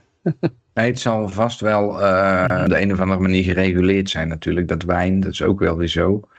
Maar... Ja, je hebt in Frankrijk die controlé appellation uh, Pub. Of uh, appellation controlé, nou ja, Frans woord. En dat is al eeuwen oud. Dat is een soort van, uh, ja, een soort van, uh, ja, ook een regulering eigenlijk. Dus je moet je, moet je eigenlijk aan, aan, aan uh, om, om die keurmerk te krijgen, moet je zeg maar aan een aantal regels houden. En dan krijg je zo'n keurmerkje op die dop en dan is die, voldoet hij daaraan. Het is trouwens niet verplicht. Je kan als Fransman ook gewoon zeggen van, nou ja, ik hoef dat niet. En dat gebeurt ook hoor. dan kan je hmm. ook prima wijnen krijgen. Dus uh, ja. maar het is. Ja. Ja. inderdaad. je ziet bijvoorbeeld in Portland. In Portland hebben ze een paar jaar geleden de harddrugs gelegaliseerd. En daar zie je nou al die prachtige beelden. En ook in uh, San Francisco is het volgens mij ook allemaal gelegaliseerd en gedecriminaliseerd. Ehm, en daar zie je nou al de beelden van de mensen die door de gootsteen naar beneden drijven om het maar zo te zeggen. Ja, ja dat is ook niet wat, precies wat libertariërs willen. Hè? Dus. Nee. ik vind het in zekere zin ehm, moet het beschikbaar zijn voor mensen, snap je? Ja, maar tegelijkertijd, ja, ga jij zelf, kijk zelf een wietplantje op je, op je, op je balkon zetten. Hm? Dat is niet zo lastig, maar probeer jij maar eens een paar coca-bladeren te telen en die om te zetten naar een lijn cocaïne, snap je? Dat, dat gaat voor veel mensen denk ik net te ver. Dus in dat opzicht... Ja, het zat vroeger in de cola, hè, dus... ja, nee, precies, ja. ja. En op zich, drugs is niet zo over het algemeen... Uh, niet, uh, volgens mij is alcohol over het algemeen een slechtere drugs dan de meeste andere drugs die nou verboden zijn. En daarom zeg ik, ik heb hier weer zes ja. KitKat Chunkies liggen. Nou, dat is ook gewoon één grote doop. Suikerbom. En ik heb inderdaad veel, veel drugs gebruikt vroeger, maar het is, ja, ik kwam er eigenlijk alleen maar achter dat ik het niet ja, voor mij was het niet echt een ding uh, waar ik... Uh, ik, zag, ik, heb meer, ik heb meer met een goed wijntje dan met... Uh, dan met Als ze mij vragen, ben je nou aan het blowen voor de camera? Dan zeg ik nee, dat zijn gewoon... Ik, ik rook gewoon sigaretten, zeg ik dan. Ja, ja, ja. Ik kan het toch niet bewijzen. Ja. Ik denk wel dat de kwaliteit van drugs beter zal worden als het allemaal legaal is. En dat het allemaal gewoon ondernemers zijn die dat gewoon op de markt brengen. Dus het uh, Ja, maar, maar, maar niet als het dus door de overheid ook nee, gereguleerd wordt hoe het gegroeid moet gaan worden en zo, snap je? Want dan... Ja. Je mag bijvoorbeeld, en dat is een heel ander voorbeeld, maar je mag geen rauwe melk verkopen van koeien. Dan moet het eerst gepasteuriseerd worden. In Nederland mag het wel hoor, in Nederland mag het wel. Volgens mij niet hoor. Volgens in, mij Amerika, in Amerika mag het niet. Oh, echt waar? In Nederland mag het gewoon. Je kunt het ook gewoon krijgen. Dus, uh, maar in de winkel oh. wordt vooral uh, ja, gepasteuriseerde melk verkocht. Ja, dat is natuurlijk ook veel langer houdbaar. Hè? Dat is logisch. Nou, nee, ook niet. Dus, uh, ik had het, uh, is toevallig op mijn werk nog over. Maar dit is, uh, dat, het hele verhaal, dat is, zit iets anders. Laat ik het zo zeggen. Hm. Goed. Ja. Ik wilde zeggen, want in mijn beleving is eh, dat een... is- ja, nou goed. eh, ik weet niet waarom ik erover begon. Laat maar zitten. Ja, hoe zou het ben- in... Ik zou ben er niet altijd van, van, overtuigd dat de kwaliteit erop vooruit zou gaan als je iets zou legaliseren, weet je wel. Dat, dat, daar geloof ik ze niet zo, zo erg in. Want de mensen die willen toch wel een goed product leveren. Als ik je troep kook verkoop, eh, dan ga je de volgende keer echt wel, Ja, precies, dan ga je daar niet meer naartoe, inderdaad. ja, ja, in Ja. zekere zin eh, is er dan toch een markt, weet je wel. Natuurlijk, en uiteindelijk bepaalt de, bepaalt de markt wel van eh, wat, wat het beste is. En dat eh, ja, mensen gaan daar gewoon de volgende keer naartoe. Dus eh, daar heb je eigenlijk de overheid niet voor nodig. Maar ja, goed, het is... eh, ja... Kijk, wat, wat je in een, in Portland ziet, is, is geen libertaria daar hoor. Dus eh, het is daar gewoon echt... In Portugal hebben ze nou toch ook een wet. Nee, dat, dat is, in Portugal dat is een beetje vergelijkbaar met het, ehm, hoe noem je dat, busje komt zo, hè, dat wat, wat we in Nederland hadden. Zo'n zo, zo, zo'n busje waar je zo'n, ehm, ah, hoe heet dat, hoe heet het nou ook alweer? Zo'n zo middel. Dus dat is, Metadon. ja, zo'n metadonbusje, ja, het metadonbusje. Dat is, zoiets is het wat ze in Portugal hebben, dus eh, dat soort projectjes, ja. En dan mag je het ophalen als je, een, als je er een eh tegoedbon voor hebt. Ja, goed, in ieder geval de, de, die, de verslaafden die hebben een alternatief. Dus die kunnen dan Ja, ja. methadon krijgen. Dus dat, dat, zoiets is het. Het, is, eh, het wordt wel mooier gemaakt dan het is. Maar ik was, ik was in Portugal, dus ik vroeg ernaar. En toen zeiden ze, ja, het is eh, een methadonbusje hebben. Ja. Ik heb deze week toevallig een heel leuk filmpje over de cocaïnefabriek van Amsterdam. Ik zal eens Ja, even kijken ja. of ik die kan vinden op YouTube. Ja. En ik heb deze week is er voor mij een, een YouTube video verwijderd. Oké. Ja, Dat, waarom? medische disinformatie. Nou, en ik heb hem teruggeluisterd, dat filmpje. Want ik heb alle filmpjes ook, heb ik een kopietje op mijn harde schijf. Voor als ze hem verwijderen, dat ik nog een kopietje heb. En ik zeg dan voor mezelf, ik denk dat. Dus ik geef helemaal geen medische misinformatie. Ik, ik deel gewoon mijn mening over zaken. Oké. En ik zeg er duidelijk bij, dit is mijn mening. En ik ben eh, een clown met een pruik op, snap je? Dus Mhm. nou dat medische misinformatie te noemen. Even kijken hoor. Ik heb nog een leuk filmpje voor jullie. Eh, de Nederlandse cocaïnefabriek. Mhm. Ja. Nee, maar in ieder geval wat ik wil, zeggen is heel veel mensen die, die, die zitten niet te wachten op eh, mensen die eh, aan drugs verslaafd zijn. Dat moet je ook niet vergeten. Dus je kan best wel hebben dat als je echt een libertarische samenleving hebt, dan kun je echt zeggen dat mensen met elkaar afspreken in een bepaalde wijk van nou ja, heel leuk, maar wij hebben hier kinderen zitten en wij willen die drugs hier niet hebben. Dus nou ja. En, en andere plekken, daar kun je inderdaad, eh, dat, ja, dat de verslaafden wel lekker bij elkaar zitten. Dus eh, dat, ja, dat kan. Dus, en sommige mensen kunnen prima eh, functioneren terwijl ze gewoon drugs gebruiken. Die, die heb je, die, die ken ik ook, die mensen. Ik heb het zelf ook gedaan. Het, is, niet, het wil niet per se zo zijn dat als je drugs gebruikt, dat je, ja, dat je een van de loser bent die dan uiteindelijk zijn huur niet betaalt. Ja, je zult er een paar hebben, maar ze zijn niet allemaal ja. zo. Je Dus, het eh, in de Tweede Kamer is het, is het volgens mij de hoogste concentratie koken in, het, eh, in de Ja, riolering. ja, ja. Bij de Dus- EU. Er zijn ook allemaal Ja. dat is al een keer bewezen, ja. Dus ik, Dus, ik, eh, ik denk meer dat Hunter het, Biden hebben we nog, hè? ja, als ze slim zijn, dan reguleren ze het, denk ik. Want de war Ja, ja. drugs ga je toch niet winnen, joh. Ja, ja, ja. Ook al gaan ze het een tandje hoger eh, doen, wat ze dan zeggen, ja, dan gaan we het nog harder. Ga je niks mee bereiken, denk ik. Ja, ja. Nou ja, maar goed, ja, ik ken ook mensen die, eh, dat heb ik ook eh, van, van dichtbij meegemaakt, die totaal niet kunnen functioneren door hun drugsgebruik. Ja. En dat is me- meestal wat de meeste mensen onthouden, weet je wel. Dus, ja. Ja, ja, ja. Ja, en daarom, maar toch, weet je, ja, dat is jouw lesje dan wat je moet leren, snap je? Je Ja, bent op precies, deze precies. wereld om iets te leren. En als dat het is, ja, nou oké. En dat is ook zelfs met alcohol natuurlijk, hè. Dus eh dat is trouwens ook een drugs eigenlijk. Dus ja, Ik zie dat Anna online is. Ciao Anna. oké. Even zwaaien naar Anna. Ja, ja. Ehm, ja, waar blijft Peter, joh? Ach ja, gun die jongen ook een vakantie. Ja, precies. Slavendrijver. Zometeen zijn we klaar en dan komt hij komt hij in één keer. Ehm, De, de afgelopen weken dan komt Lucas elke keer op het eind. En, oh, zijn jullie net klaar? Ja, we zijn net klaar. Oh, oh. ja, ja. Vorige week ook wat- inderdaad. Eh, in nood mag de ambtenaar eh, zand in de machine strooien. Ja, nou dan moet je tegen Julian Assange zeggen dit verhaal. Ja, Die zit ja. al 14 jaar vast. Maar hij was geen ambtenaar, hè? Nee, maar in nood. Nou, dat is een hele hoge nood. Al 14 jaar zit Julian Assange vast. En de, Ja. de- dat ze toevallig eh, voor de genocide in Gaza nou op de stoep gaan zitten, is eh, eh, subjectief. Hoe zeg je dat? Zo- Is, is willekeurig. Mhm. Gebeuren de hele tijd. Waar waren deze mensen toen de hele COVID-bullshit aan de gang was? En daar is Peter, daar is Peter, Kijk, daar is die. Daar is Peter.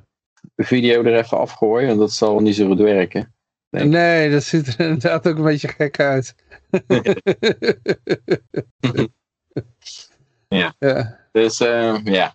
Ja, Nou, we zijn de, het heetste artikel van de week. het heetste artikel van de week. Nu.nl neem ik aan. Nou, dat weet ik niet, want het komt deze keer van nee, NRC, eh, Peter. Kwaliteit.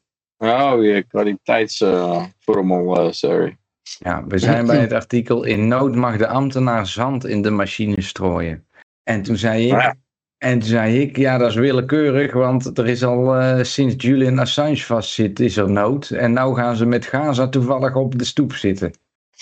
Ja, dat schijnt, daar, daar, daar is een beetje verdeeldheid in, in eh, het linkse kamp. Ook als je ziet naar de democraten in de VS, dan zie je ook dat eh, die, die van de squad, eentje, ja, ja, het heeft nog een, eh, nogal een escalator eh, puntje, denk ik, daar in het Midden-Oosten. Dat is natuurlijk altijd al geweest, dat het aan alle kanten kan eh, exploderen. Maar ja, wat je, ja, maar- een beetje die... Ik weet er heel weinig vanaf, maar, maar als ik dat hele geschiedenis van Israël erop nalees, nou dan is het toch gewoon opgezet om voor gedoe te zorgen de hele tijd. Of ligt het aan mij? Ja, ze noemen het wel het onzingbare vliegdekschip van de VS, hè, daar in het Midden-Oosten. Ja, Ja, ja. het is wel een beetje wat er met die Houthis gebeurt, zou ook wel interessant zijn. Als die natuurlijk, eh, ja, eigenlijk, eigenlijk is het verhaal altijd dat Amerika, de Pax Americana, die zorgt dat de, de waterways open blijven. Dat, je, dat de eh, navigatie overal eh, waar veilig is. Net zoals het Britse Empire dat dan voorheen deed. Natuurlijk met voorkeur voor eigen belang allemaal. Maar als die Houthis gewoon het Suezkanaal dicht kunnen gooien voor bepaalde groepen, ja, dan, dan wordt het een beetje een standoff daar. En ik denk Ja. dat de Am- Amerikanen daar niet veel tegen kunnen doen. Want ja, dat zijn gewoon een paar figuren met een paar drones en zo. En die, eh, die, ja, ze kunnen wel bombarderen tot ze ons wegen, maar daar ben je er nog niet, eh, ben je er nog niet vanaf. ja, ja. Ja, nee, ik was meer Ja. geïnteresseerd in die eh, aanval op Libanon die ze deze week deden. Of Ja. wat, eh, want Ja, ja. d- daar zag ik Ze filmpjes van. Gedaan dacht die Hezbollah-leiders te pakken, toch? Die, eh, ja. Eh, ik weet het niet precies, maar toen dacht ik, nou, dat lijkt me tactisch nou niet erg handig als je daar aan die Gaza al mee bezig bent. En dan ga je nou ook nog eens je andere buurland aanlopen vallen. Dan waar ben je nou mee bezig, dacht ik maar. Net als met Oekraïne. Ik heb toen op een gegeven moment aan het begin van Oekraïne heb ik gezegd, joh, het zal mij maar worst wezen, die mainstream media. Ik, ik probeerde het met COVID nog te volgen en toen ben ik ermee gestopt. Dus ik weet van Oekraïne en Israël eigenlijk heel weinig. Ga ik me allemaal niet in al die details eh, verdiepen. Maar nou ja, in Libanon zit in het zuiden Hezbollah. En dat zijn eh, vrienden van Iran. En die, eh, ja, die, die, daar heeft Israël een keer een oorlog tegen gehad. En die hebben ze eigenlijk verloren. Dus ja, de verwachting is ook dat als ze, als het nu met Hezbollah strijd gaan voeren, dat ze dat ook weer gaan verliezen. Omdat, ja, dat is net zoiets als de NAVO Israël. Het is niet zo sterk als het lijkt. Er veel mensen denken van, oh ja, dat is onoverwinnelijk, NAVO, Amerikanen, eh, die is, eh, Ja. F-15, F-16 is, enzovoort. is wel lang zo geweest ook. Is lang zo geweest. Ja. Maar het begint nu Ja, wel te kantelen. geen, eh, geen granaten meer, om maar wat te zeggen. En ze hebben eigenlijk ook niet de productiecapaciteit om die te maken. Nee, dus precies. dan, eh, nou ja, dan, dan is de kracht toch wel een beetje verdwenen. En ik denk dat met Israël ook het geval is. Ze hebben natuurlijk ze hadden in het verleden, hebben ze wel eens an- op Antebbe in Afrika, hebben ze, waren er een hoop eh, Israëliërs gegijzeld. En hadden ze een actie gedaan om, om gingen, daar zijn film over gemaakt. En vlogen ze met een militair vliegtuig daar naartoe. Met allemaal limousines erin, met vlaggetjes erop. En dan leek het net of de president van de Oeganda of zo daar langskomt. En, eh, en toen eh, konden ze overal doorrijden. Toen hebben ze al die gijzelaars, eh gijzelnemers doodgeschoten. En, en die, al die gijzelaars bevrijd. Er is geloof ik maar één iemand bij om het leven gekomen. Een van de eigen soldaten of zo. Dus een super eh, actie was dat. En eigenlijk na, de, na het, eh, dat ze in eh, München hebben ze toen met de Olympische Spelen zijn er een hoop Israëlische atleten om het leven gebracht. En die hebben ze ook gevraagd. door Die luidt tot alle uithoeken van de oorlog eh, of van de aarde achtervol. Maar het is niet meer wat het geweest is, eh, volgens mij. Het is, ja, het is een beetje in slaap gesust. Of tenminste, het is wel. Het is, het is dom geworden door al de. Al die, net zoals in Amerika, door die, al die woke shit. En, Ja. en ze zijn zo Allemaal ver. gevaccineerd ook, hè? Ja, ja de hoogste, hoogste vaccinatiegraad ter wereld volgens mij daar dus. Ja, ja, ja. Maar ook Ja. als je, ik zie dan de laatste tijd, zie ik af en toe filmpjes opduiken van mensen die dan op Omegle of weet dat, eh, zo'n soort eh, webcam eh, chat, waarmee je met vreemdelingen gaat praten en dat ze dan eh, op Israëliërs uitkomen die vol trots lopen te zeggen dat ze een paar Palestijnen hebben vermoord eh, toen ze twaalf waren of zoiets, weet je wel. En dat je ziet hoe erg dat die brainwash daar, of welke richting dat die brainwash daar is opgegaan.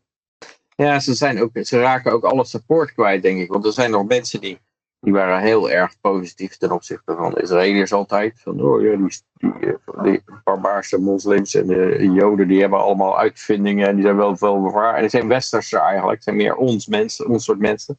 Maar ja, nou zijn ze in Gaza gewoon, gewoon oh, iedereen een, soort genocide aan het plegen. En ja, dan, dan verlies je ook de steun onder de mensen die, die dachten, ja, daar kan ik toch echt niet achter staan. Dat krijg je dan. eh, en dan, volgens mij, is dat wel... nou dus ook dat Libanon aan het aanvallen zijn, denk ik, nou, dat lijkt me nou de slechtste mogelijke timing om daar ook een paar bommen op te gaan gooien. Maar ja.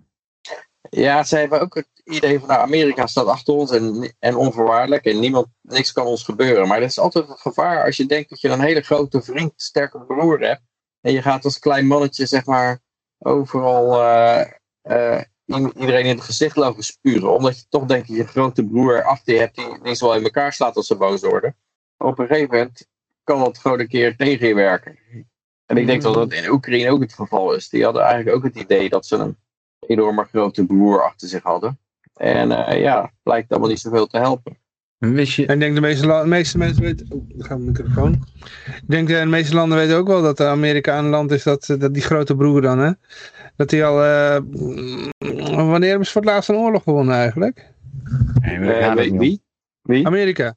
Oh ja. Ze hebben, dus, ze hebben eh, verloren van rijstboeren in Vietnam. Ze hebben verloren van, eh van geitenhoeders in eh, Afghanistan. Ze Ja. hebben verloren van eh, mensen met stokken eh, in, eh, in Somalië. Eh, ja, wanneer hebben ze voor het laatst iets gewonnen überhaupt? Wisten jullie dat is- eh, Nederland, Ja. net als de VS en Canada en Ja. Engeland, een van de weinige landen is die Palestina niet erkent als staat? Oké. Daar kwam ik laatst achter, door dit gebeuren ben ik er een beetje naar gaan bekijken. En kennelijk is in Nederland een van de weinige landen die dus Palestina niet erkent als onafhankelijke staat. Oké. Ja. Nee, maar in ieder geval wat ik wilde zeggen is van, eh, ja, die, het kleine broertje loopt dan iedereen te, te, om zich heen te, te treiteren, want ja, ik heb toch een grote broer. Maar ja, iedereen weet, ja, die grote broer die heeft al in een decennia geen oorlog gewonnen. Ja, Dus, maar als die eh, voor jou maar de klappen opvangt de hele tijd, dan loop jij nog steeds Ja, vrij ja. Hij heeft in ieder geval een hoop wapens, dat, eh, maar ja, hm. dat, eh, dat is alles. Ja, maar ja. Je ko- koopt er toch weer wat tijd mee. Ja. Dan zit die grote broer maar op de frontlinie. En Ja. eh, nou, dan hou je zelf nog even eh, je kruid droog. Hè? Ja, ja, ja. Maar goed, ja, het ging dus over ambtenaren die eh, op de grond gaan zitten omdat ze het niet eens zijn met ja, het dat- Ja, daar waren we, ja. ja, ja. En ik vraag Ja, me dus zo- nog steeds af van eh, waar waren die mensen tijdens de Irak-oorlog en de COVID-repressie en eh, allemaal dat soort dingen. En Julian Assange zit al 14 jaar vast, snap je? ja. Ja, het, is, eh, het is alleen bij, bij dit soort dingen dat de narratief een beetje scheef trekt. Hè? Dat is wel interessant om te zien. Dat is eigenlijk wat je bij de PvdA altijd al zag, dat het was de partij voor de werkende man. Maar toen waren ze opeens de partij van de immigrant. En de werkende man en de immigrant die staan eigenlijk een beetje op gespannen voet met elkaar. De werkende man die wil hoger, hoger loon hebben en de immigrant zorgt dat zijn loon omlaag gaat. Ja, ja. En, eh, Dat, ja, is, eh, dat is inderdaad ook het moment dat er heel veel eh, PvdA'ers dan naar de SP gingen, weet je wel. ja, En nu gaan ze van de, van de SP in één keer allemaal over naar de, naar de hoe heet dat, PVV? PVV, ja. Ja, die worden eigenlijk allemaal verraden. Net zoals de CDA zijn hele eigen achterban verraden heeft. Ja. En, eh, ja, dat, en op een gegeven moment zit de PvdA met alleen maar homo's of zo. Dat, eh, en en dan eh, LGBTQ, dat is dan de meest onderdrukte groep. En dan hebben ze ook de immigranten waarschijnlijk ver- verraden. En, en de arbeiders. Mhm. En ja, dat levert gewoon nog op, een gegeven moment spanning op. Zo'n Bernie Sanders figuur bijvoorbeeld in Amerika. Dat is ook een typische oude socialist. Vakbond enzovoort. De kapitalisten tegen de werkende klasse. Inmiddels heeft hij, ik weet niet hoeveel villa's. Meer dan een ja, miljoen ja. op de rekening. Ja, hij- schot altijd op miljonairs tot hij, tot hij opeens op miljardairs overging. dat was het moment dat hij zelf een miljonair was. Ja, hij had het eerlijk verdiend, omdat hij zijn boeken ermee hij had het uit zijn boekverkopen gehaald. Ja, ja, ja, heeft Hunter, natuurlijk Biden, Hunter Biden verkoopt ook schilderijen. Hè? ja, ja. Ja, ja Winter Biden klaagde dat, eh, dat er- zijn beschuldigers hadden een, een beetje zaagsel op de tafel. Hadden ze voor, voor cocaïne hadden ze. Dat was allemaal misinformation was dat. Hij lag gewoon zaagsel op de kamer. Ja, dat, dat heb je natuurlijk als kunstenaar. Dat gewoon eh, ja, van die lijntjes zaagsel liggen. ja, ja, ja. Ja, en dat dan toevallig die sample inderdaad, oh die sample is kwijtgeraakt. Nou, dan zal het wel vaak zo geweest zijn. Ja. Maar we hebben ook nog eh hebben met de IND-ambtenaar. Die, eh, die zit klem tussen wetten, regels en instructies. Niet met hun eh, gemoed, hoor. Nee, ook niet met hun geweten. Nee, hun geweten zit er, eh, zit er verder niet klem in. Maar de wetten, de regels en de instructies, die doen het hem. Dat geweten, dat krijgt het allemaal zo over het hart. Dat is allemaal niet moeilijk. Nou ja, ja, het, zoals, het, is eigenlijk typisch overheid natuurlijk, dat je een heleboel regels krijgt en dat het steeds onuitvoerbaarder wordt. En eh, ja, dat die mensen dan in Ter Apel zich maar ophopen. En, en dan krijg je ook nog dat er een dwangsom wordt opgelegd aan het eh, eh, collectief eh, organisatie eh, asielzoekers of zo, COA, Ja? van 14.000 per dag. En dan vraag je al af van, oké, dat is de overheid die zichzelf beboet eigenlijk. Dan, eh, Ja. en omdat er te veel asielzoekers in Ter Apel zitten. Maar er wordt dan, ni- wordt dan niks aan gedaan, dus ze beboeten zichzelf de hele tijd. Ja. Dat is echt een. eh, Ja, kijk, maar het is ook wel zo. Heel veel, eh, hoeveel van die IND-ambtenaren denken dat ze daar gewoon een of andere gezellige camping aan het runnen zijn, weet je wel. Je moet wel die mensen duidelijk maken dat het eh, om mensenhandel gaat natuurlijk. Iedereen moet geregistreerd worden. En het is, ja, het is geen feestje. is dat ik me vraag, afvraag hoe dat, hoe dat nou ge- allemaal gedaan wordt. eh, want het is met de Oekraïners bijvoorbeeld, die vluchtelingen, dat was het opeens allemaal heel makkelijk. Die liepen gewoon niet naar binnen toe, die kregen gelijk, die hadden gewoon een automatische werkvergunning. En dat was allemaal, allemaal geen enkel probleem. Het, het was gewoon automatisch allemaal, al, alles was toegestaan. Hadden die misschien al een digital ID van hun overheid, Peter? Nou, dat is daarna wel ingevoerd, maar ik geloof niet dat ze dat toen al hadden. Hmm. Maar, nou, ja, ik denk meer dat het is van, oh, dat zijn onze soort mensen. Dus, eh, of het zijn eh, van- eh, in onze strijd tegen de evil Putin, zijn dat onze bondgenoten. Dus, ja, die kunnen gewoon gelijk gaan werken als ze maar willen. Nee, maar ik bedoel te zeggen, als zij toevallig dan net wel al, want Oekraïne is een van de eerste landen die zo'n digital ID heeft. Nou, als je die dan overal in, in, de, in Nederland bijvoorbeeld een paar van die Oekraïners aanneemt, dan kun je alvast testen met die Oekraïners hoe dat die, hoe dat die CBDC dan gaat stromen en zo. Nou, ik weet niet of ze een CBDC hebben, want ja, daar ging wel eh, vrij veel met cash ook nog wel. Maar eh, ja, misschien dat het nu, eh, ik ben natuurlijk ook alweer eh twee jaar niet geweest, dat het eh, nu allemaal omgevormd is. Nee, maar ik bedoel meer dat ze dan, een, eh, als, ze, als Oekraïners een digitale identiteit hebben die Nederlanders nog niet hebben, dan kunnen ze op die manier dat systeem alvast in gebruik nemen met de identiteit van die Oekraïners. En dat ze daarom die Oekraïners zo makkelijk toegang geven, omdat ze weten van, oh die hebben zo'n digital ID, dan kunnen we die systeem alvast gaan inrichten met deze testgroep. Zoiets denk ik dan. werd er- bij mij weten werd er nog niet naar gevraagd. eh. ik dacht dat, Oké, eh, dat we in Nederland hier, eh, ik ken er eentje die aan, aan het werk is gegaan. Maar ik weet niet precies wat voor formulieren die allemaal heeft moeten invullen. Maar die is nog voor de oorlog weggegaan. En die, eh, of tenminste, ja, nee, wel na de oorlog. Maar voordat hij 18 werd. En die het land niet meer uit mocht. En die, eh, ja, die, eh, die denkt, heeft denk ik geen Oekraïns digitaal ID nog. Nee, oké. oké. Nee, het is gewoon als ze willen, dan kan het gewoon heel makkelijk. Dan, ook met, met ziektekostenverzekering was het gewoon van, ja, als ze wat nodig hebben, dan nou, laat maar weten. En als je een Oekraïns paspoort hebt, dan eh kon het allemaal geregeld worden. Ja, ja. Nou. Solidariteit, hè. Die Nederlanders Ja. zijn zo vredelievende mensen. Ja, maar daarmee is het, is het verhaal van, oh, de, de papierwinkel is zo ingewikkeld, is een beetje, beetje ja, het klinkt een beetje als obstructie ook. eh, dat je, je zegt, nou, we willen wel, we, ja, we moeten al die lui opvangen of zo. eh, misschien via de E- EU verplicht. En dan, ehm, maar dan, eh, dan het onmogelijk maken door een hele hoop bureaucratie eromheen te doen. Die dan opeens verdwijnt als het om Oekraïners gaat. Ja. Ja. Kijk, ik, ik Ja. lees hier nog als laatste Alinea. Mhm. eh. Dat is er- Alinea is altijd een take-home message. Hè? Dat is wel belangrijk. hè. Ja, dat is- Dit, moet, de- dit, dit willen we dat je denkt. Er wordt hier gesproken over het toetsen van iemands persoonlijke belevingswereld.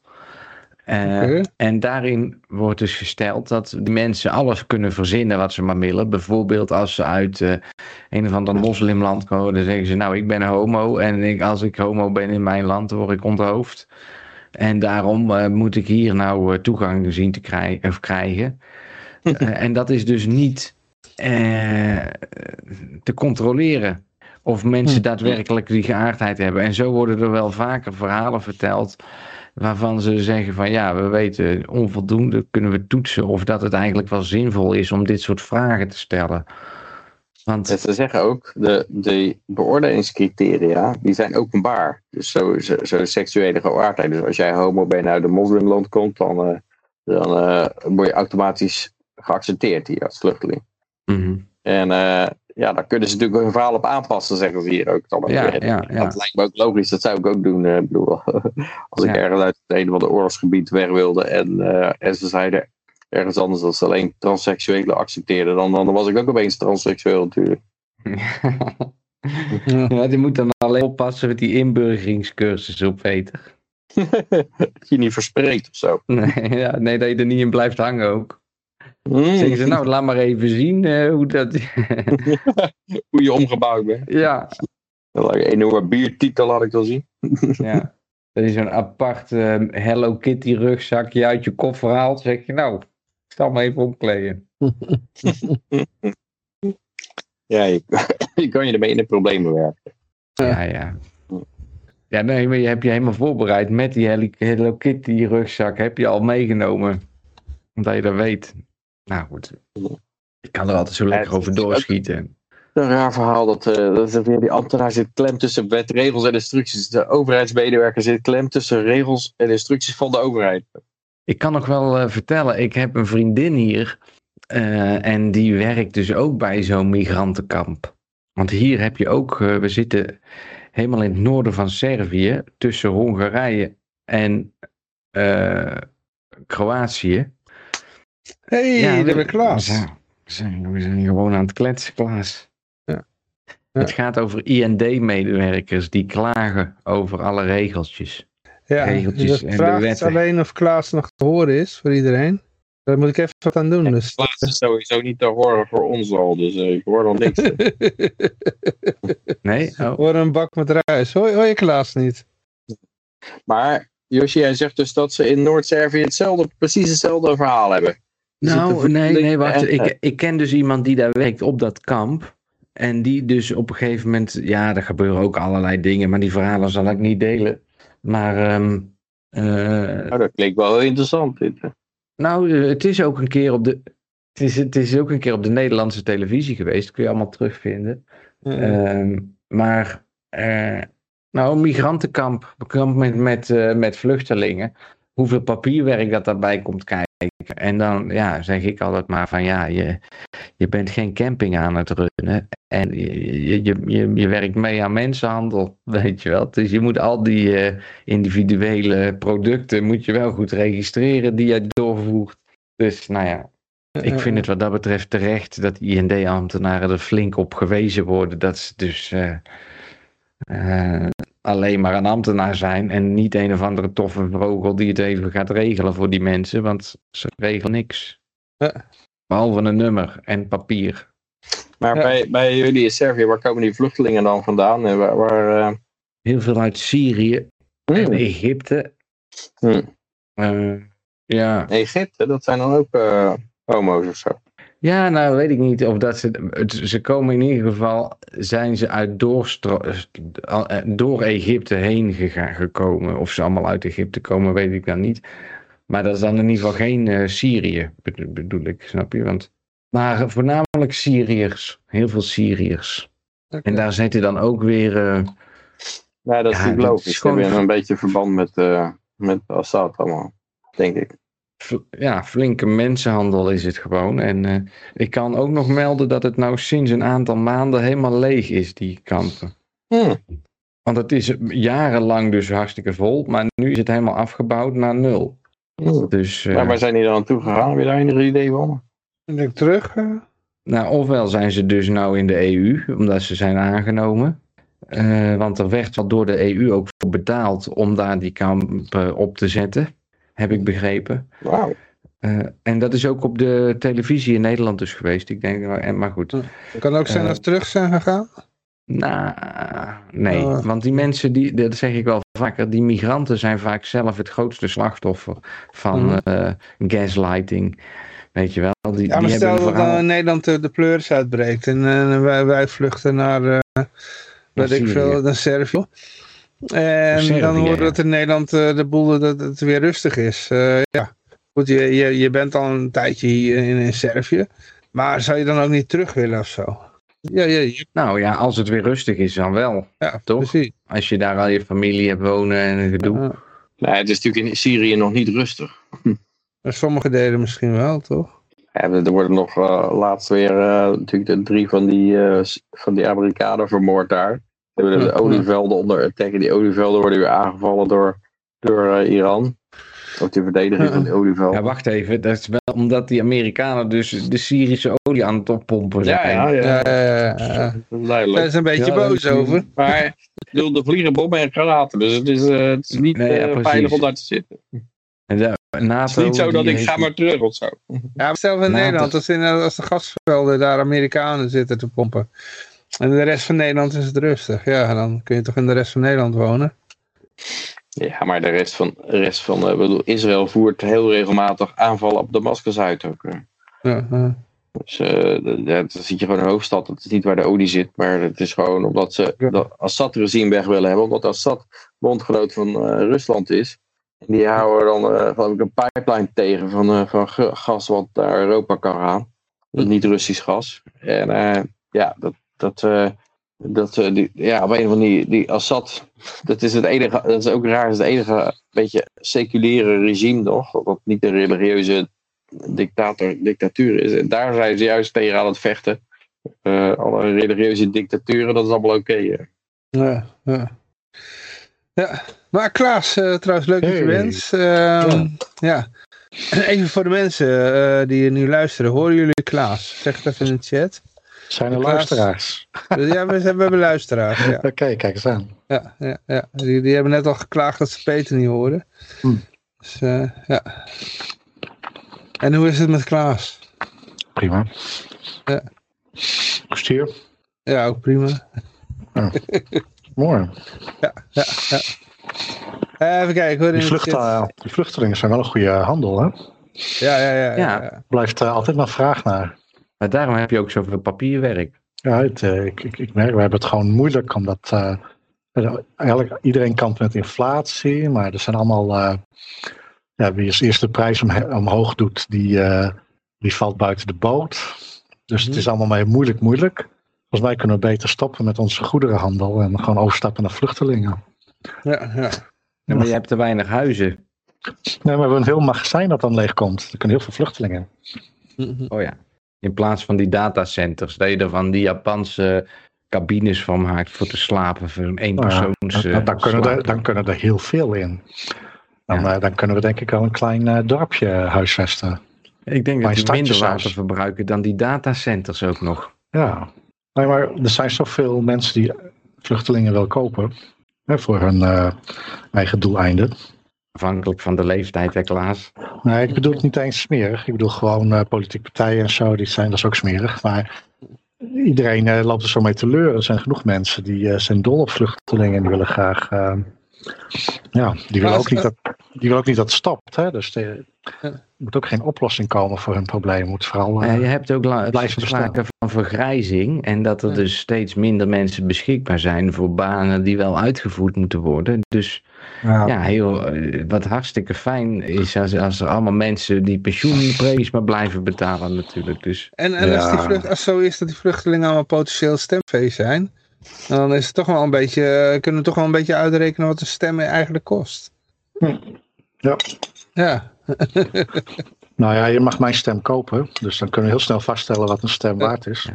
10 e-guldens. Nou, eh, nou, daar- we hebben een prijs is gezet. Ik weet niet of we hoger kunnen dan dat. ja wie biedt er meer dan Begrijp 10 wel, eh, euro? welke, welke partij heb je het meeste hekel aan, Klaas? Maakt me niet uit. Ik, eh, Oh. ik, denk, ik ben van overtuigd dat stemmen zinloos is. Dus zelfs Oké. een, een, een- een stem op een partij waar ik de meeste leek aan, hekel aan heb, zal me niks doen. Ja, jammer. Dus dan, toch, dan wordt hij wat minder waard Ja. voor mij, hoor, die stem. Oké, ik zou- Tom- het heel erg vinden als ik op de PVV moet stemmen. Ja. Want Tom- elk, Tom land heeft zo'n blonde idioot. En Ja, alsof ze uit een fabriek komen. Dus als je me Hm. zou dwingen daarop te stemmen, zou ik, kan ik de prijs zo weer wat omhoog praten? Ja. ik kan je je in ieder geval vertellen dat eh, Tom, Tom heb je dat Lemon- boek al gekocht? Nee. Nou, ik kan je vertellen dat Tom Lamoen, eh, als hij jouw stem koopt, dan gaat hij me met eh, bitcoin betalen, BTC. Nou, dat eh, Dus dan betaalt hij eigenlijk gewoon een dubbele prijs. Eén voor de fee en één voor eh, de... Nee, moet je zeggen, nee, want jij moet ook de fee betalen voor de volgende transactie. Oh ja, Nou, je hebt het je ook weer omruilen voor egels. Als, als, het heel, als het heel lucratief wordt, dan wil ik wel een eh Lightning-netwerknoot opzetten. Ja, Maar dat kost je ook gewoon transactiekosten op, Klaas. Uiteindelijk uiteindelijk toch? Niet, Ja. niet voor elke transactie. Dus, Ook, ook bij het openen kost ook transactiekosten. ah ja, maar het, het, het, het is toch bedoeld om het een klein beetje draaglijk te maken. Ja, je moet er volgens mij rekening mee houden dat je daarnaast op dat kanaal ook nog een minimum aan bitcoin hebt staan. Wat voor die fee gaat betalen. Want zodra dat die hoeveelheid dan. eh, zo- als de fee te hoog wordt, dan wordt je kanaal gesloten op de een of andere manier. Nou, dus wat jij zegt is dat het heel moeilijk is. Ja, ja, ja. Ja, in gebruik Dat kan ik, het. dat, ik het, eh, dat ik het onderschat, zeg maar. Nou ja, het is allemaal wel mogelijk, maar het kost je wel een bepaalde investering inderdaad, Ja. voordat je dat eh, voor elkaar hebt. Ja, maar hoe, hoe duur is een eh, normale transactie nu? Ik, ik snap wel dat er een uitweg wordt gezocht. Niet zoveel. Nee, Niet valt wel zoveel. mee Op het moment is het weer wat lager. Het is nu ongeveer 3 euro max. Oh, Maar het is, het dat, is een paar dat is te overzien. Dat is te overzien. Maar een paar maanden Ja. geleden was het ongeveer 15 euro. Ja, nou, we hebben het wel gekker dan dat gehad. Hè? Ja, nee, dat klopt ook. Maar het wordt niet minder. Snap je? We zitten nog aan het begin van de boelrun, dus eh, Het was ooit was 0 euro alleen. Boeren, de boelrun. de boeren. Dus de boeren. stieren Aan het begin rennen. van de boeren. De stierenren. Eh, Ja. Hoe is het eigenlijk met de boeren in Nederland? Ik zag ze laatst weer boven de snelweg staan. Ja. Op, een, op, een over, eh, op een brug. En dat vind ik de beste plek. Hé, hey, we hebben dat bericht, eh, ik dacht dat ik erin had gegooid. Oh, shit, die, eh, dat de gemeente subsidie krijgen om eh, boeren weg te pesten. Ja, is dat zo? Ja, dat bericht had er ook nog in moeten zitten. Ja, ik ben eh, niet gehad. elke keer als ik zie dat het slechter gaat met de boeren, dan ga ik erop uit om Ja. iets rechtstreeks bij een boer te kopen. Ja. Dus ik koop nu al mijn eieren, mijn melk en vlees en eh groenten rechtstreeks bij een boer. Dus hoe meer de, Ja, ook met- eh, Met hoe die meer- guldens of niet? Nou, als ze dat willen, dan doe ik dat. Maar meestal is het, eh, ze hebben gewoon van die standaard machines. Het is niet zo dat er overal een eh, mannetje staat de hele dag eh, te wachten tot ik eindelijk een ei kan kopen. Dus meestal hebben ze gewoon een machine. Oh ja, oh ja, dus dan stop oh je ja, gewoon oh eh, eh, euro's in en dan komt er een ei uit. Of melk. Dus dat, eh, maar dat is eh, briljant. Dus eh, elke keer als de boeren weer eh, worden aangepakt, dan ga ik nog meer rechtstreeks bij de boeren kopen. Dus Ja. ik weet niet wat ik nog Zo, meer bij ze moet kopen. Ik weet niet of ik Nou, eh, mijn nieuwe ik heb dak nog ook een- bij de boeren kan kopen. Maar Ik heb nog een ideetje voor je, want ze Nou. hebben hier sinds een half jaar hebben ze, eh, huren ze een, een locatie ja, en daar bouwen ze een eh, silo, nee geen silo, hoe noem je zoiets, een tank voor 500 liter melk. Ja. En dan moet je je eigen plastic fles meenemen Ja. en dat kopen ze dan ook bij de lokale mag ook boeren die glas zijn hoor.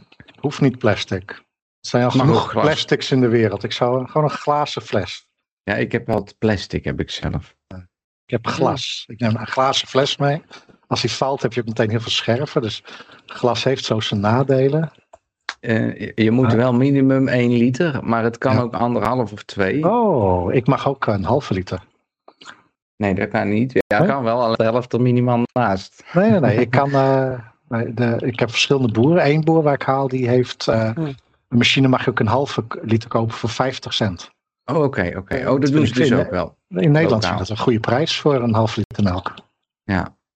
ja, hier zit er op het moment anderhalve liter. Nee, of is het één liter? Eén liter is eh, ongeveer is meer dan een euro. Oh, echt waar, hè? Ja, Mhm. Ja Ja, de dat, voedselprijzen die schelen niet zo gigantisch veel met elkaar hoor. Nee, ik denk zeker niet eh, lokaal verbouwd. Maar ik, eh, ik zie dat het bericht eh, verdwenen is uit onze groep. Oh jee, zijn we Eh, waar we geïnfiltreerd? altijd de berichten dumpen. Ja, we hebben zo'n eh, Facebookgroep waar we dan berichten dumpen. Ja. Eh, en ik denk dat we geïnfiltreerd inderdaad een keertje eh, naar een eh, andere, ja, andere platform moeten gaan zoeken. Want er worden gewoon berichten verwijderd. Oh jee. Ik weet zeker dat ik gepost heb. Ja. En eh, Peter, jij kan dat bericht toch ook nog herinneren? Van de, die subsidie die gemeentes kregen om boeren weg te pesten? Ja. ja. Ja, die is verdwenen. Mm. Ik zal even Ja. wat vertellen. Ik heb En zonder vandaag bericht heb ik een, zo. Van, eh, Huh? zonder, zonder bericht eh, dat ze zeiden van... Hey, eh, Ja, ik volg niet alles. eh, ik, ik, heb, ik heb er niet eens naar gekeken. Maar eh, ja, soms verwijderen ze inderdaad wel wat. Ja, want ik weet wel, het is wel vaker gebeurd. Dat ik zeker wist dat ik een bericht had gepost. Ja. Ook een melding kreeg dat iemand op had gereageerd. En dan in één keer up, is hij weg. ik ja, dan moet het vandaag, zijn geweest. Ja, man. ik plaatste vandaag het een bericht. zijn geweest. Nee, het was gewoon eh, uit, de, uit de reguliere Ja, media. Dus eh, ja, maar dan, eh, dan is er te veel ophef over en dan ze het gewoon weg. Het komt hun niet uit of zo, past niet in hun eh, narratief. Maar, maar ja, jij, jij, jij hebt hem gelezen toch, Peter? Eh, ja, maar... Nou, het was in ieder geval zo dat gemeentes kregen dus ja, subsidie om boeren weg te pesten. Ja, dus die, of iedere boer die ermee kapte, kreeg ze een aantal duizend euro Ja, subsidie. meestal Ja. geven ze dat bij het verwijderen of zo, zou ik zeggen. aan waarom zij zeggen dat het nep is of zo. En dat is dat Ja, ook, eh. ook wel interessant om te lezen, maar meestal is het dan, eh, eigenlijk staat er dan in, ja, het is wel waar, maar het is, eh, het is niet altijd in het hele land het geval zo. Alleen eh, een soort Ja. verhaal. Ja. Maar het is, ik zie me inderdaad niet meer staan. Nee. Nee. Dus we weten allebei zeker dat het deze week daar heeft gestaan. ja, Er staat wel één archive ding, is dat dan misschien? Niet. Nou, moet ik even kijken. Nee. Ach, Ja, ja. misschien dat ik hem over... Ik plaatste vandaag een Julian Assange berichtje met hashtag Oké. free, free Assange. En Nog die, steeds gevangen. ja, was Ja, vanda- ja. van gisteren en vandaag was daar een, eh een hoge zaak dag. Ja, Ja. Was de, wa- kwamen ze bij elkaar. Ehm, en toen kreeg ik dus het, voordat ik het kon plaatsen, kreeg ik een waarschuwing van Facebook dat het bericht eh, hoogstwaarschijnlijk, hoogstwaarschijnlijk geweld, gewelddadig zou zijn. Eh, en of ik het dan wel zeker wilde plaatsen. En toen heb ik gezegd, ja, ik weet zeker dat ik het wil plaatsen. Omdat dat was, misschien zouden er dan wel eh, straf op komen. Ik zeg, nou gewoon plaatsen. Nou, maar die staat er nog steeds. Oké. Dat gebeurde vandaag. Maar eh, waarom eh, mag je nou worden vastgehouden? Is dat eh, uiteindelijk omdat hij eh Hij is nog stout- nergens voor, stoute- Ja, heeft gedaan? toch? Ja, hij is nog nergens voor spionage- veroordeeld.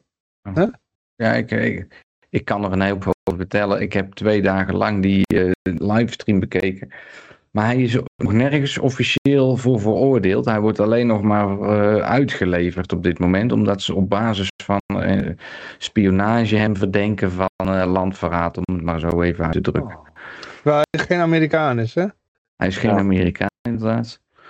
En ehm, ja, er zijn allerlei regels voor die uitlevering. Eén daarvan is dat het niet politiek gemotiveerd mag zijn. En een andere is, is dat er geen sprake kan zijn van de doodstraf als er uitgeleverd wordt. Twee eisen, dat zijn eigenlijk... De, gisteren mocht de verdediging spreken en toen haalden ze die twee punten voornamelijk aan van... Kunt u ons garanderen dat er geen doodstraf is? En eh, als u spionage benoemt, dan is dat per definitie met jurisprudentie uit het verleden altijd een politieke zaak. En wij doen geen politieke uitleveringen. Dus mag die uitlevering niet doorgaan, want het is politiek. Mhm. Ehm, en vandaag hebben ze dus in de verdediging ehm, ja, dat gewoon weer, weer weersproken. En geprobeerd om te zeggen, garanties te geven dat er geen sprake zou zijn van de doodstraf. Maar ja, die garanties, weet je wel, de doodstraf die bestaat er. En er staat voor die, al die vergrijpen die worden aangerekend, staat ook de doodstraf. doodstraf, dat is echt zo 1945. Zodat we een tribunaal doen en dan doodstraf. Tegenwoordig eh, wordt er gewoon zelfmoord gepleegd. Ja, Ja, ja, nee, ja. gezelfmoord, hè, Ja, ja, ja. Ja, Wat nou doodstraf, of ouderwets. zo. Ja, En de bewakers in slaap zijn gevallen. nee, dat Maar zal- het ik weet leeft- vrij zeker dat er geen doodstraf zal plaatsvinden. Het leeft nog wel, die hele zaak. Want Maar hoe eh, dan ook de is die dood afgelopen aan het eind. Ja, ja, maar het gaat heel slecht met hem, want hij was dus uitgenodigd om gisteren of vandaag aanwezig te zijn, of allebei de dagen. Eh, Maar dat kon hij niet doen. Vanwege zijn gezondheid werd hij niet, eh, ja, is, heeft hij besloten om geen deel te nemen aan de zitting. En ja, nou ja, het is, hij zit al iets van 14 jaar eh, in een kleine omgeving, weet je wel. Ja, Dus het is wat dat betreft gewoon, ja, het is best wel erg. Het is best wel erg. Ja. Het is een bijzondere Ja. tijd waar we in leven. Het, is heel erg- het gaat ontzettend ver. Het gaat ook steeds verder. Want wat er met Trump gebeur, eh, gebeurd is, is ook on- ongelooflijk eigenlijk. Dat hij gewoon, hij krijgt 350 miljoen eh, moet hij in boete betalen. Voor iets wat, wat iedereen in de vastgoedbusiness doet. Een beetje over- of onderwaarderen van zijn, van zijn vastgoed. Bij het aanvragen van een lening. Die bank die die lening heeft gegeven, die zegt, eh, ja, we zijn allemaal keurig terugbetaald en we hebben nergens een probleem mee. En nee, voor ons is het geen probleem. Toch gaat de overheid hem beboeten voor eh 350 miljoen. En ik geloof als die, als die, eh, als die dat wil aanvechten met eh, in beroep gaan, dan moet hij, dan moet hij waarschijnlijk al zijn, al zijn bezittingen ongeveer verkopen. Want je moet dat eerst helemaal betalen, plus nog een, eh, nog een heleboel geld als eh, onderpand voor dat in beroep gaan. Ja, En, dat kost bijna een half miljard aan elkaar, heb ik ergens gelezen. Ja, zoiets. Dus, dus eh, eigenlijk is het gewoon het, het financieel ruïneren van je politieke tegenstander. En eh, ja, niemand die, die, dat, eh, ja, die daar, die daar van, van omkijkt of zo. Het is eh, het is gewoon de normaalste zaak. Nou, er was, er was wel protest tegen. Er was zelfs, eh, ook weet zijn naam niet meer, maar het was een eh, bekende persoonlijkheid uit de Die kwam zakenwereld. volgens die, eh, mij uit de Sharks Den of zoiets. je wel, Zo'n investeringsprogramma. en die, die heeft ja, ook, Ja, ja. weet wie je bedoelt. in, die heeft ook in de crypto gezeten, maar is niet zo succesvol geweest in de dingen die hij uitroept. Dus daar, eh, heb- ik maar ben zelf hij een was beetje een gevestigd in. New York en hij zat zich te beklagen van, nou ja, als dit Trump kan overkomen, kan dit ons allemaal eh, overkomen. Want hij was ook een eh, investeerder en een bekende naam ook. En die, eh, ja, die, Kevin- maar die was gewoon Kevin, bij... Kevin O'Leary, volgens mij. Kevin? O'Leary, vol- volgens mij. Ja, ja, die- ja, ja, ja, ja. En dat was gewoon in de re- reguliere pers ook, hè. Dus die hadden uh, kennelijk niet zien aankomen. Op CNN. CNN, ja, dat was hem, ja. ja. Ja, het, het punt is natuurlijk dat als. Eh, en want de aanklager die had ook gezegd van eh, hierbij van. Nou ja, eh, andere zakenmensen in New York hoeven zich absoluut geen zorgen te maken, omdat ze geen Trump zijn. Het Ja. punt is gewoon dat er, dat er geen principes gelden. Er, is niet de rule of law, er is gewoon een rule of. eh, ja, als je tegen ons eh, ingaat, of als je in de kant van de vijand zit, Dan kunnen Ja. we alles doen wat, je, wat we willen. Maar als je, als je aan onze goede kant blijft, dan hoef je je geen zorgen te maken. Wat natuurlijk absoluut. Ja, dat de geschiedenis van dit soort dingen is altijd van. En toen wisselde de wacht opeens. omdat er een opstand kwam. tegen- En dan wordt Kevin, Kevin O'Reilly wordt dan eh, in één keer aangepakt. Voor een niks. Ja, dan, dan zit je opeens, er zit opeens degene die dachten dat ze in de, in de goede kant zaten, die, zitten, die worden dan opeens aangepakt inderdaad. Net zoals eh, als, als altijd die, die eh, de, zeg maar de, de, in de nacht van de lange messen worden de, de eh, bruine hemden tegen de, de- tegen de muur gezet. En ehm, ja, ik denk dat een heleboel zakenmensen het idee krijgen van ja, ik kan me nog meer vertellen, maar dit voelt niet goed aan. Ik ga me terugtrekken uit New York. Want Ik zou ook geen zaken meer durven doen in Ja, New York. ja. In zo- in zo'n land waar je gewoon... Ja, als Sowieso is het al een puinhoop op straat. Dus, eh, ja, het is een verschrikkelijke puinhoop inderdaad. Maar je hebt dus een enorme rechtsonzekerheid ook. Ja. En dat betekent dus dat de hele financiële wereld, financiële wereld die daar zit, die gaat, ook, gaat er ook helemaal onderdoor. Dat was natuurlijk al zo, omdat de belastingen zo gigantisch hoog waren dat iedereen naar Miami vertrok. En eh, ook uit Chicago een heleboel eh, vertrekken. En die lui blijven maar doorgaan met zichzelf in de voeten te schieten. Want dit is, dat is net zoiets als eh 300 miljard afpakken van Rusland. Want, nou, je hoeft je geen zorgen te maken als je geen Poetin eet. Dan gaan we van Trump zijn geld afpakken. Ja, je hoeft je geen zorgen te maken als je geen Trump eet. Maar er zijn natuurlijk een heleboel mensen die denken van ja, eh hoor eens, ik ga daar alles uh, divesten. Want eh, ik vertrouw het niet. ja.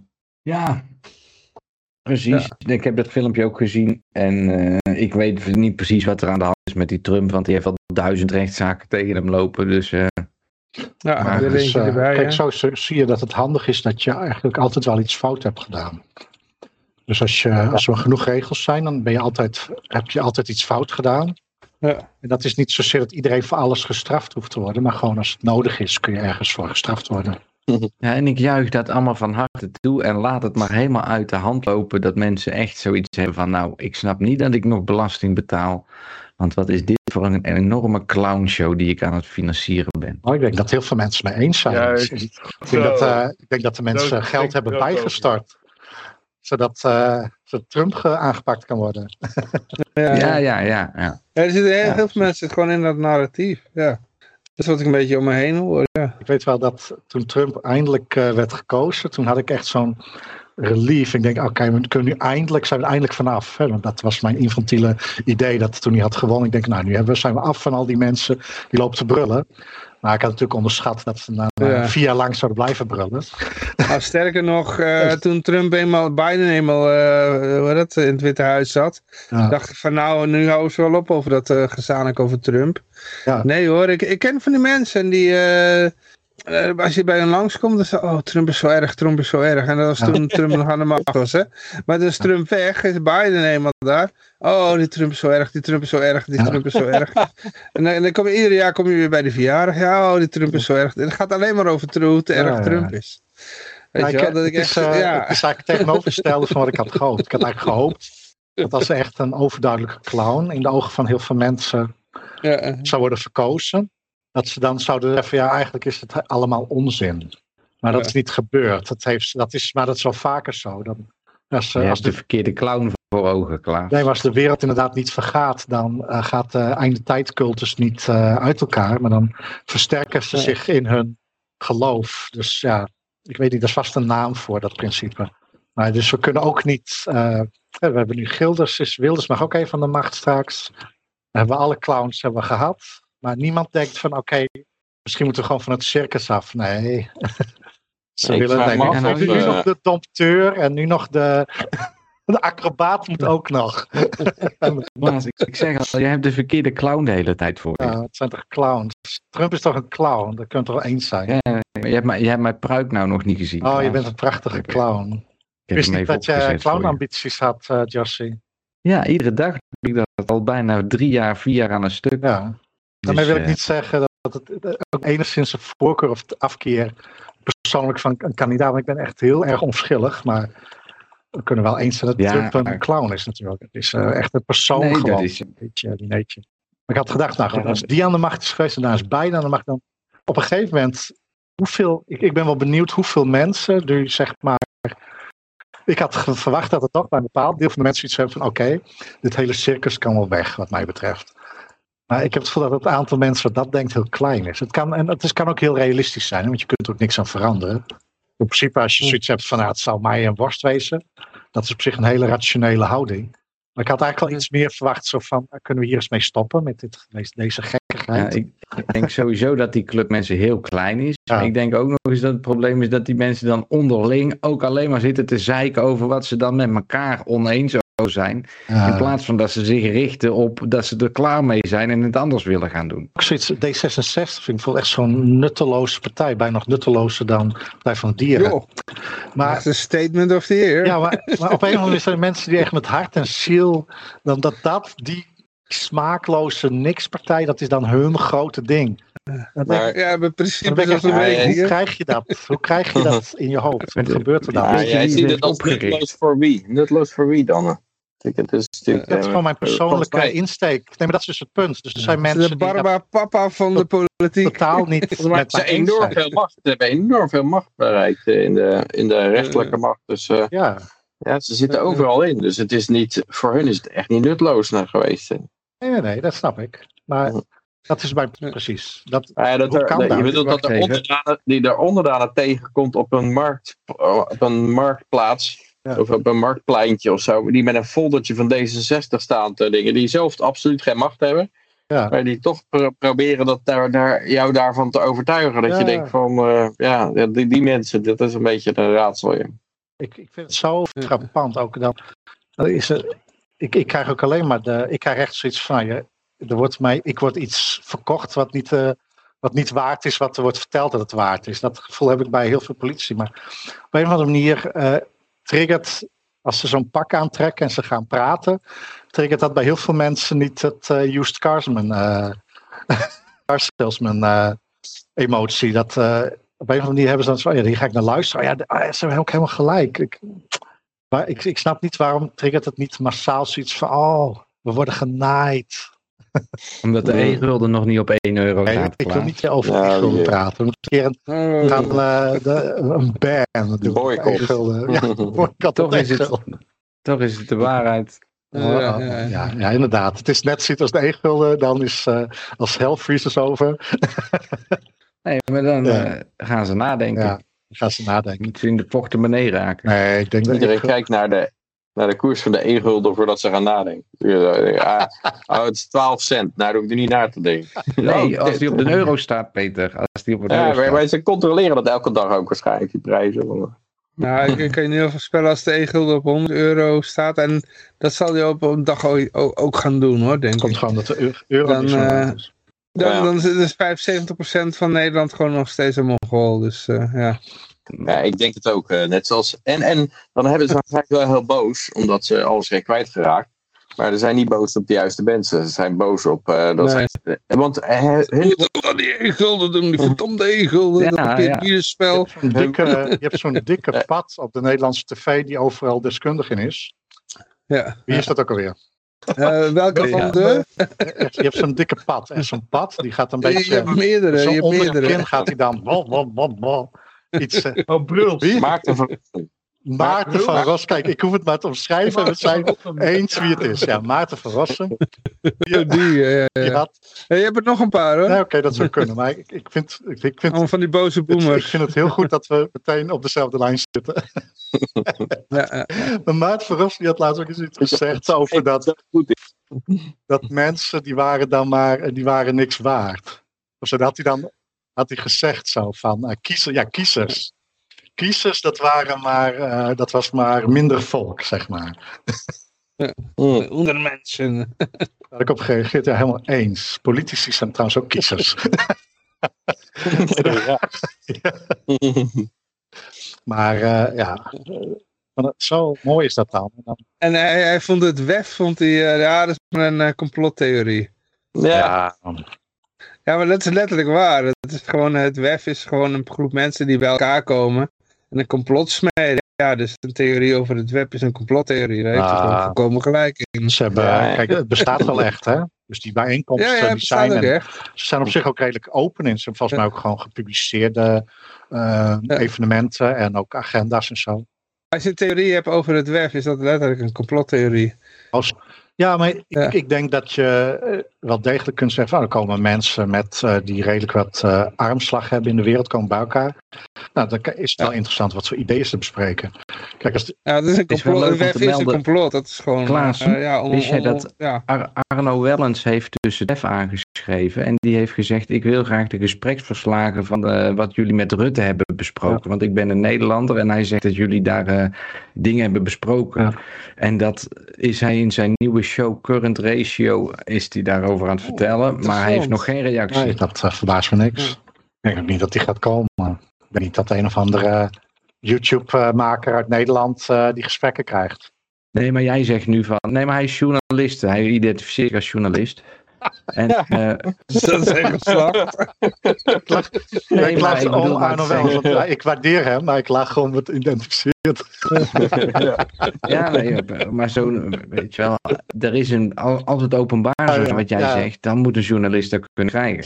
Eens, Dus- ik denk openbaarheid bestuur, we moeten dat er allemaal inzien. Ik, ik, ik ben het niet oneens Ja. met de stellingname, maar ik, ben, ik lach gewoon omdat het gaat gebeuren. het gaat absoluut niet gebeuren.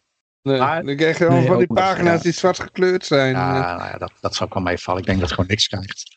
Maar Ja. ik denk dat eh Nee, Maar zo openbaar is het dus niet, zo'n WEF. openbaar. Dat eh Openbaar, zo openbaar, is openbaar het niet. bestuur is ook niet openbaar. Het is, eh, Ja. Overigens, eh, als ik even mag inbreken, mensen kunnen uitroepteken Ron Paul in de chat, die, chat typen. Want er is wiel verschenen. Gaan jullie even door waar jullie waren. Maar het WEF, het is. Wat ik altijd vervelend vind, is dat. Wat, of wat ik het meeste, waar ik me meeste zorgen over maak, is zeg maar mensen die wel veel middelen hebben, dus veel kunnen doen, maar er zeg maar een kleine geest hebben. Ja, ik ben persoonlijk van de mening dat je met meer mensen ook meer dingen kunt oplossen.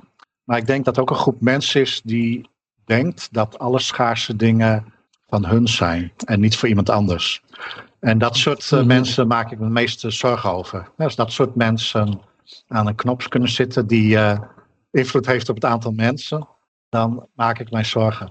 Want eh, ja, er zijn gewoon Mhm. mensen die zeggen, nee, het is van mij, alles is van mij. Het is niet, het is niet een eerlijke, iedereen kan eh, proberen te maken van het leven wat hij wil. Nee, ik, mij behoort het toe. Heb jij, anderen het, moeten er niet zijn. heb, jij het, heb jij het linkje gezien wat ik gedeeld heb over de Nederlandse cocaïnefabriek? Even kijken, die heb ik in de Ja. chat gezet. Ik zal hem nog een keer Ik niet. eh, Ondertussen zeg ik, eh, het wiel is verschenen mensen. Ik heb een aantal mensen die kijken. Maar, eh, oh ja, eentje, eentje die typt al. Ja, ja. Zoek jij even de link op. Ik moest weer denken aan een filmpje, omdat Klaas dus zei, omdat er mensen zijn die alles willen bezitten en... Nou ja, dus zijn mensen hebben zo'n hele klein idee van dat moeten weinig mensen zijn. En maximaal eh, een paar miljoen mensen of honderd miljoen. En Ah, Bill Gates. zeg iedereen maar. eh, moet dood of verdwijnen. en zijn vader en zijn opa. En eh, alle goud en alle olie, dat is allemaal van ons. En dat is niet voor jullie. Dat, dat soort ideeën. Ja, en dan komt er toch weer het verhaal dat er een kracht achter zit die misschien niet menselijk is. Ah, daar, daar wil ik niet aan beginnen. Dat doen we in onze Nee. eh, fantasy-uitzending. Maar hoe kunnen ze anders al Nee, die want ik, ben, dingen ik, vind het, nee, ik denk dat het juist is. Het, is alleen, het zijn alleen maar mensen. Dat is juist wat er is. Al, al die andere dingen, alle verhalen, alle labels, dat zijn allemaal extra, extra stapjes. Maar Mhm. Daaronder zijn het alleen maar mensen. Dat is het juist. Het zijn alleen maar mensen. Daarom is het allemaal banaal en platvloers en simplistisch. Daarom gaat het mis als er macht gecentreerd wordt. Omdat het mensen zijn. En als jij in je mensbeeld nodig hebt dat mensen dat alleen maar doen als er een kwade bovennatuurlijke kracht achter schuil gaat, ja, dat is dan gewoon, een, dan heb je een extra stapje nodig die niet bestaat. En dat is prima. Ik, ik snap het ook wel. Ik zou ook willen dat dat zo was. Dus dat het niet gewoon mensenwerk was, maar dat het iets buiten onze kracht Even, was. wacht even, wacht konden even. doen. Als jij met bepaalde trauma's opgroeit, dan kan ik jou op een gegeven moment niet kwalijk nemen dat je dan een karakter ontwikkelt wat daarop gebaseerd is. Snap je? Als wij eh, met bepaalde landen ergens olie gaan stelen en, en daar de bommen op gaan gooien en halve families uitroeien, ja, dan, on- dan ontwikkel je ook mensen die, die niet je vriend zijn. Nee, Snap je? Nee, Alleen, ik snap wat je zegt, maar ik bedoelde dat over dat olie en die grondstof, dat bedoelde ik nog groter dan het Westen, wat bijvoorbeeld eh, woestijnmensen uitmoordt. Ik bedoelde meer ja, gewoon een binnen de machtsblokken, ongeacht wat voor kleurtje die mensen hebben of wat ze, whatever, willen Kut, kut, kut. normale mensen. En die normale mensen zijn er in elk land te vinden. En die machtskliek is ook in elk land te vinden. En dat zijn de twee groepen. En die groep die denkt van, oh nee, het is van mij en niet van hun. Dat is zeg maar, dat jij en ik, het is ook niet van ons. Wij moeten ook weg. Wij behoren niet tot de innergroep. Ook al wonen we in Europa en zijn we wit. Dat maakt niet uit, wij horen er ook niet bij. Oh shit. Er gebeurt. Eh, Het was fout gegaan. Oh. Ehm, Alle luisteraars zijn mensen, je moet even weer opnieuw uh, uitroepteken Ron Paul intypen. Oh, ik heb eh Dat is wel heel erg. verkeerde knop gedrukt en alles was weg. Ja, dus eh, opnieuw even uitroepteken Ron Paul. Sorry. Het zal niet weer gebeuren. Ja, nee, ga verder. Nou, dat was het denk ik. Hm? Ja, eh, eh. En ondertussen is Peter weer terug, zie ik. Gaat lekker. Even een interruptie kreeg ik. Batterij was leeg. eh. Nee, nee. Het belletje kwam naar binnen. En dan valt Ja. kennelijk de Skype automatisch weg. Zal ik ook eens even. Oh, Jij gaat ook meedoen? Oké. Ja. Dus mensen even opnieuw uh, uitroepteken Ron Paul intypen. Ik heb een eh, foutje gemaakt net, per ongeluk alles gewist. Oh, oh, oh, oh. Verkeerde knop ingedrukt. Maar het zijn amateurs. Het is een geoliede machine. Ja, amateurradio. amateurradio, ja. Ik vind het. Dus, eh, Ik vind elke, elke keer als ik meedoe, dan is er een moment waarop dat gezegd kan worden. hmm. Zou dat de reden zijn? Want als jij niet meedoet, gaat alles... eh,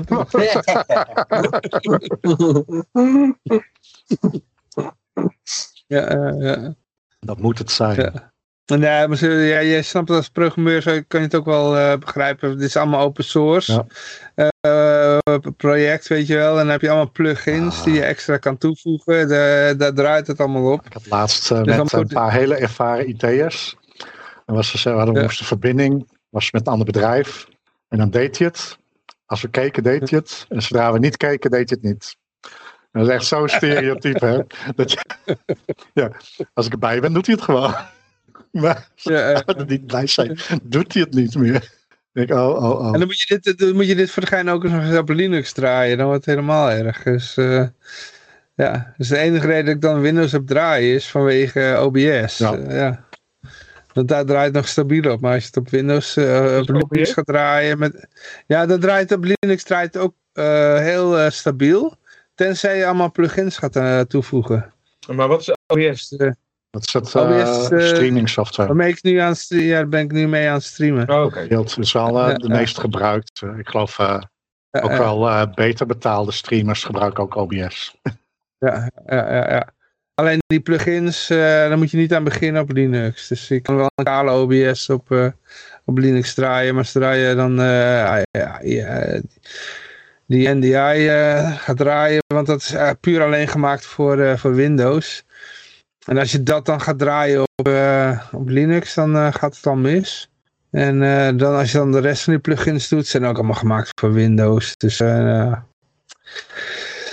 nee, op Linux geen, geen succes. Nee. Maar het rad is nu aardig vol, dus ik ga er gewoon een draai aan geven. En dan gaan we gewoon kijken wie er gaat winnen. Dus eh, 10 e-guldens. Hoppakee. Mensen, je kunnen nu nog even snel uh, uitroepen Ron Paul intypen. En dan is het, even kijken, uh, dan moet ik even naar de chat gaan. En dan gaan we even chatcommando's intypen. 3, 2, 1, nu ben je te laat. Hoppakee. Dan gaan Nou, we even kijken of we, het, uh, of we de winnaar kunnen vinden. Ja, ja, ja. Ja, die gele. Oh, dat is niet te lezen. Oh man. Grijze tekst op geel. Kun jij het lezen? Of ja, oranje was het eigenlijk, hè? Oranje-geel. Nee, het is een hele lastige deze keer.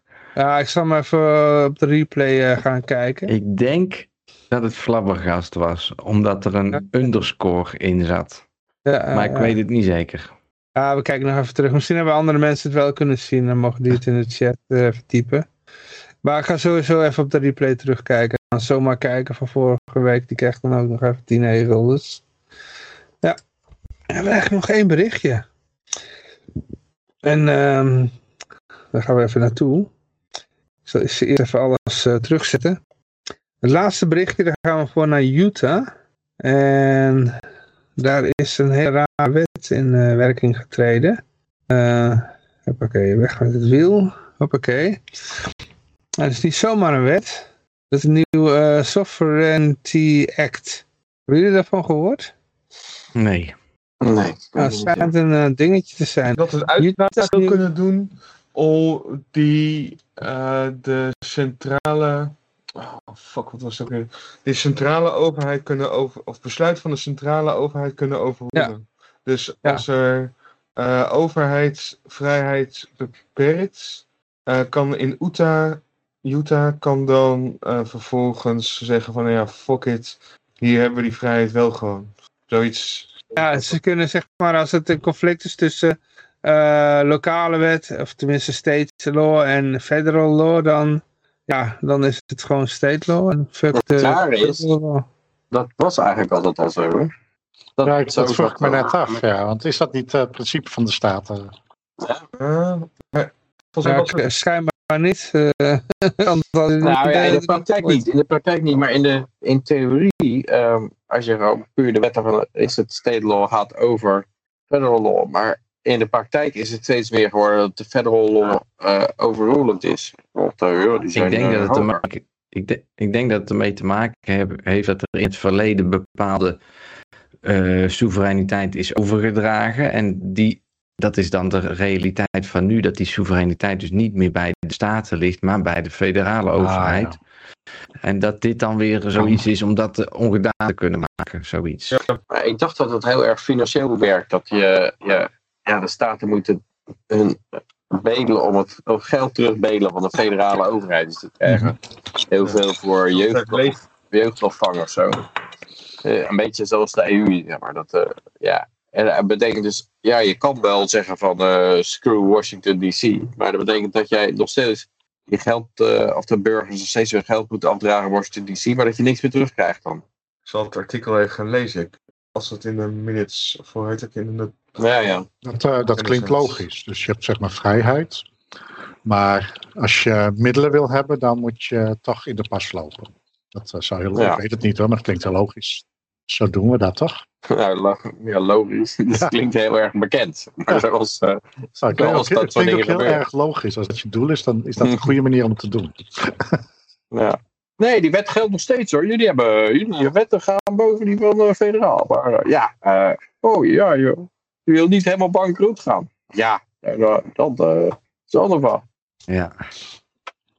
Oké, ja. Er wordt hier ook gezegd inderdaad van eh, dat er mogelijkheid is om centrale overheidsregels en besluiten te overroelen of negeren.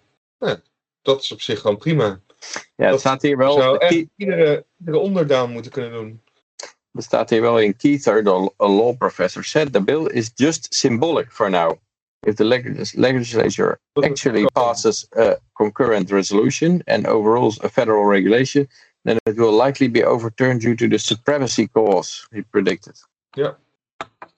Maar goed, het is wel goed dat dat eh, signaal wordt afgegeven. En, eh, nou, mooi.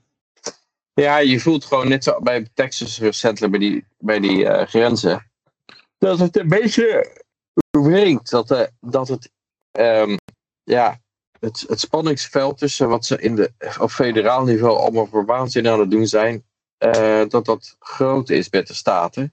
En dat eh, ja, de kosten zijn natuurlijk ook groot. Als je bijvoorbeeld, eh, wat ze wel national divorce noemen, ook dat je hier bijvoorbeeld of secession, dat je af gaat scheiden. Dat, eh, ja, dat, dat kan heel verkeerd uitpakken, zoals bij de burgeroorlog ook het geval was.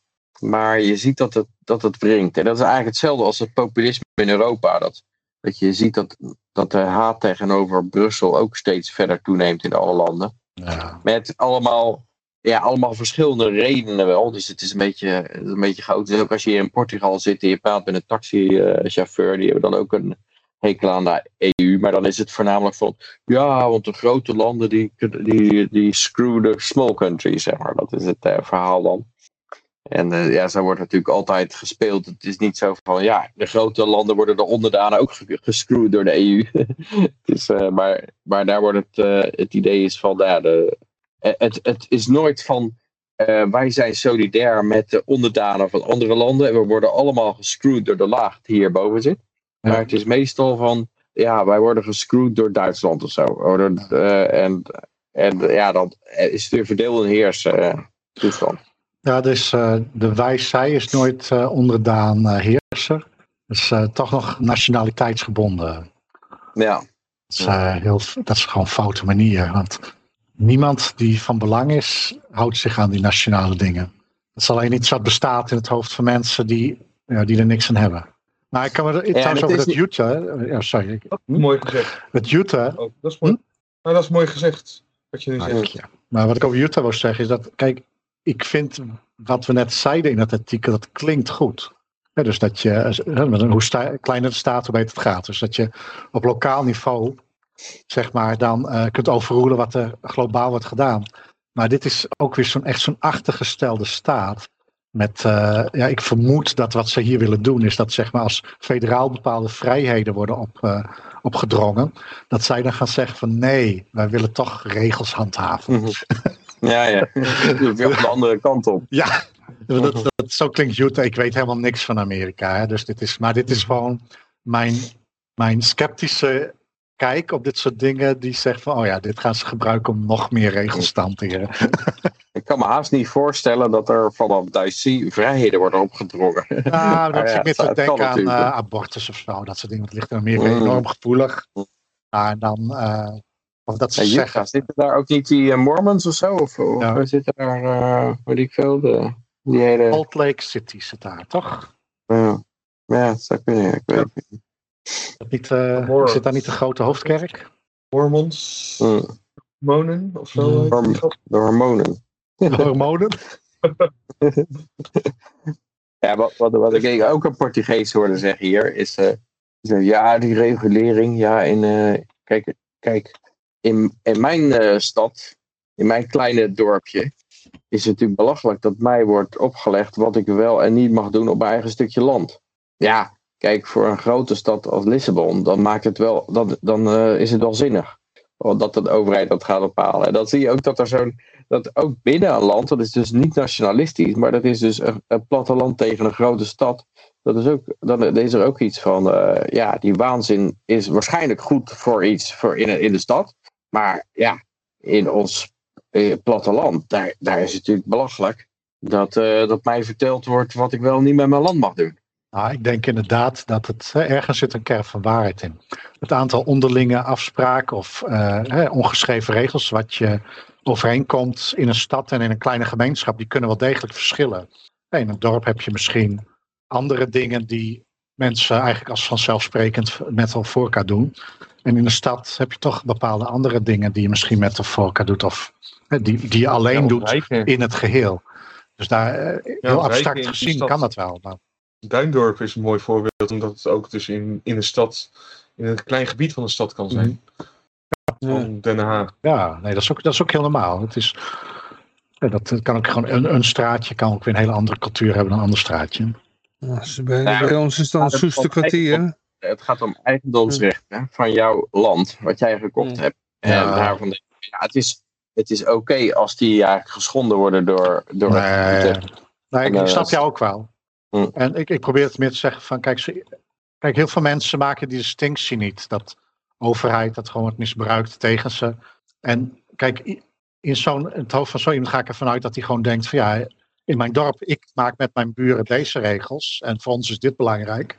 En in een stad zijn er andere afspraken nodig. En dat is waarschijnlijk waar.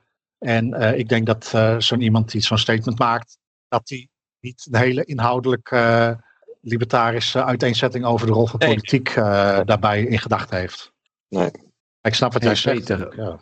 Toen jij er nog niet bij was, Peter, hadden wij een artikeltje over een eh, legaal geproduceerd lijntje uit Colombia.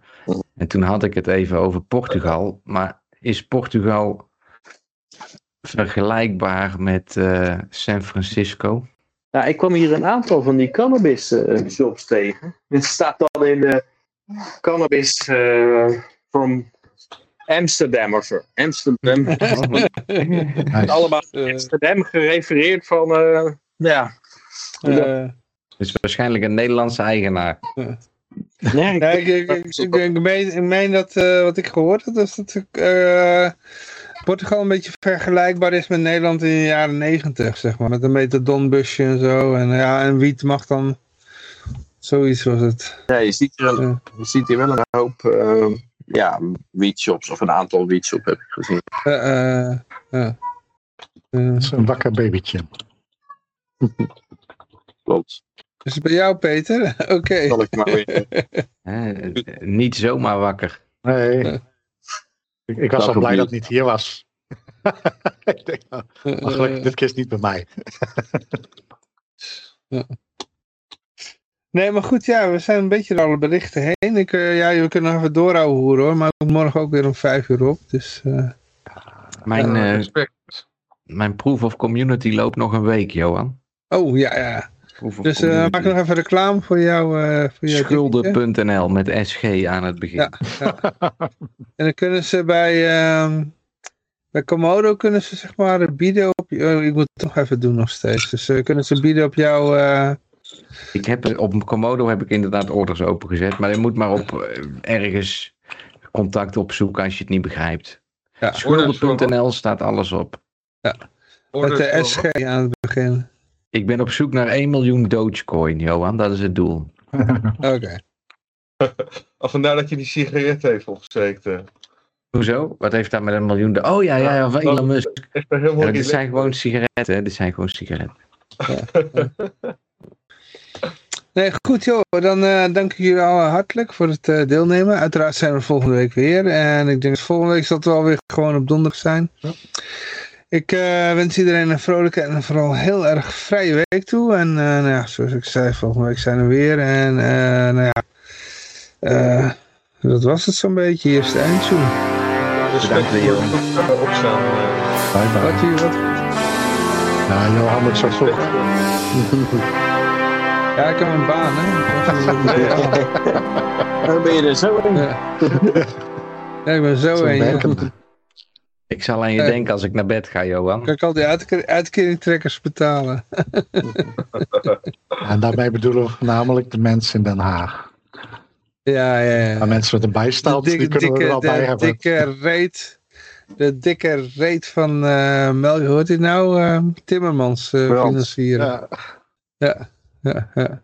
Hartstikke idee. Nou, ik denk dat het eindtune nou wel afgelopen is. Hoppakee. Ja, Zullen de uil, eh, de uil dan ook nog even Ja, ja, uit de fabeltjeskrant. tot de volgende keer. Fabeltjeskrant. Doei, doei. bye. Oké, Greta, wat? How dare you! How dare you? Ja, ga nou maar Ja, slapen, Johan, jij bent degene die naar bed moet. Ik, eh, Ja, ik ja, ben nog ja, wel een ja, uurtje ja. wakker hoor. Ja. Dus, eh, Nee, ik ga even afsluiten. Oké. Hartstikke idee. Eh doei doei allemaal. Hoi. Houdoe. Houdoe. Hoppa, hoi hoi. Stop. Hartstikke idee. Hier is de stopknop. je was niet eens heel dronken. Johan. Nee, nee, ik, eh, ik weet het ook niet. Ik, eh,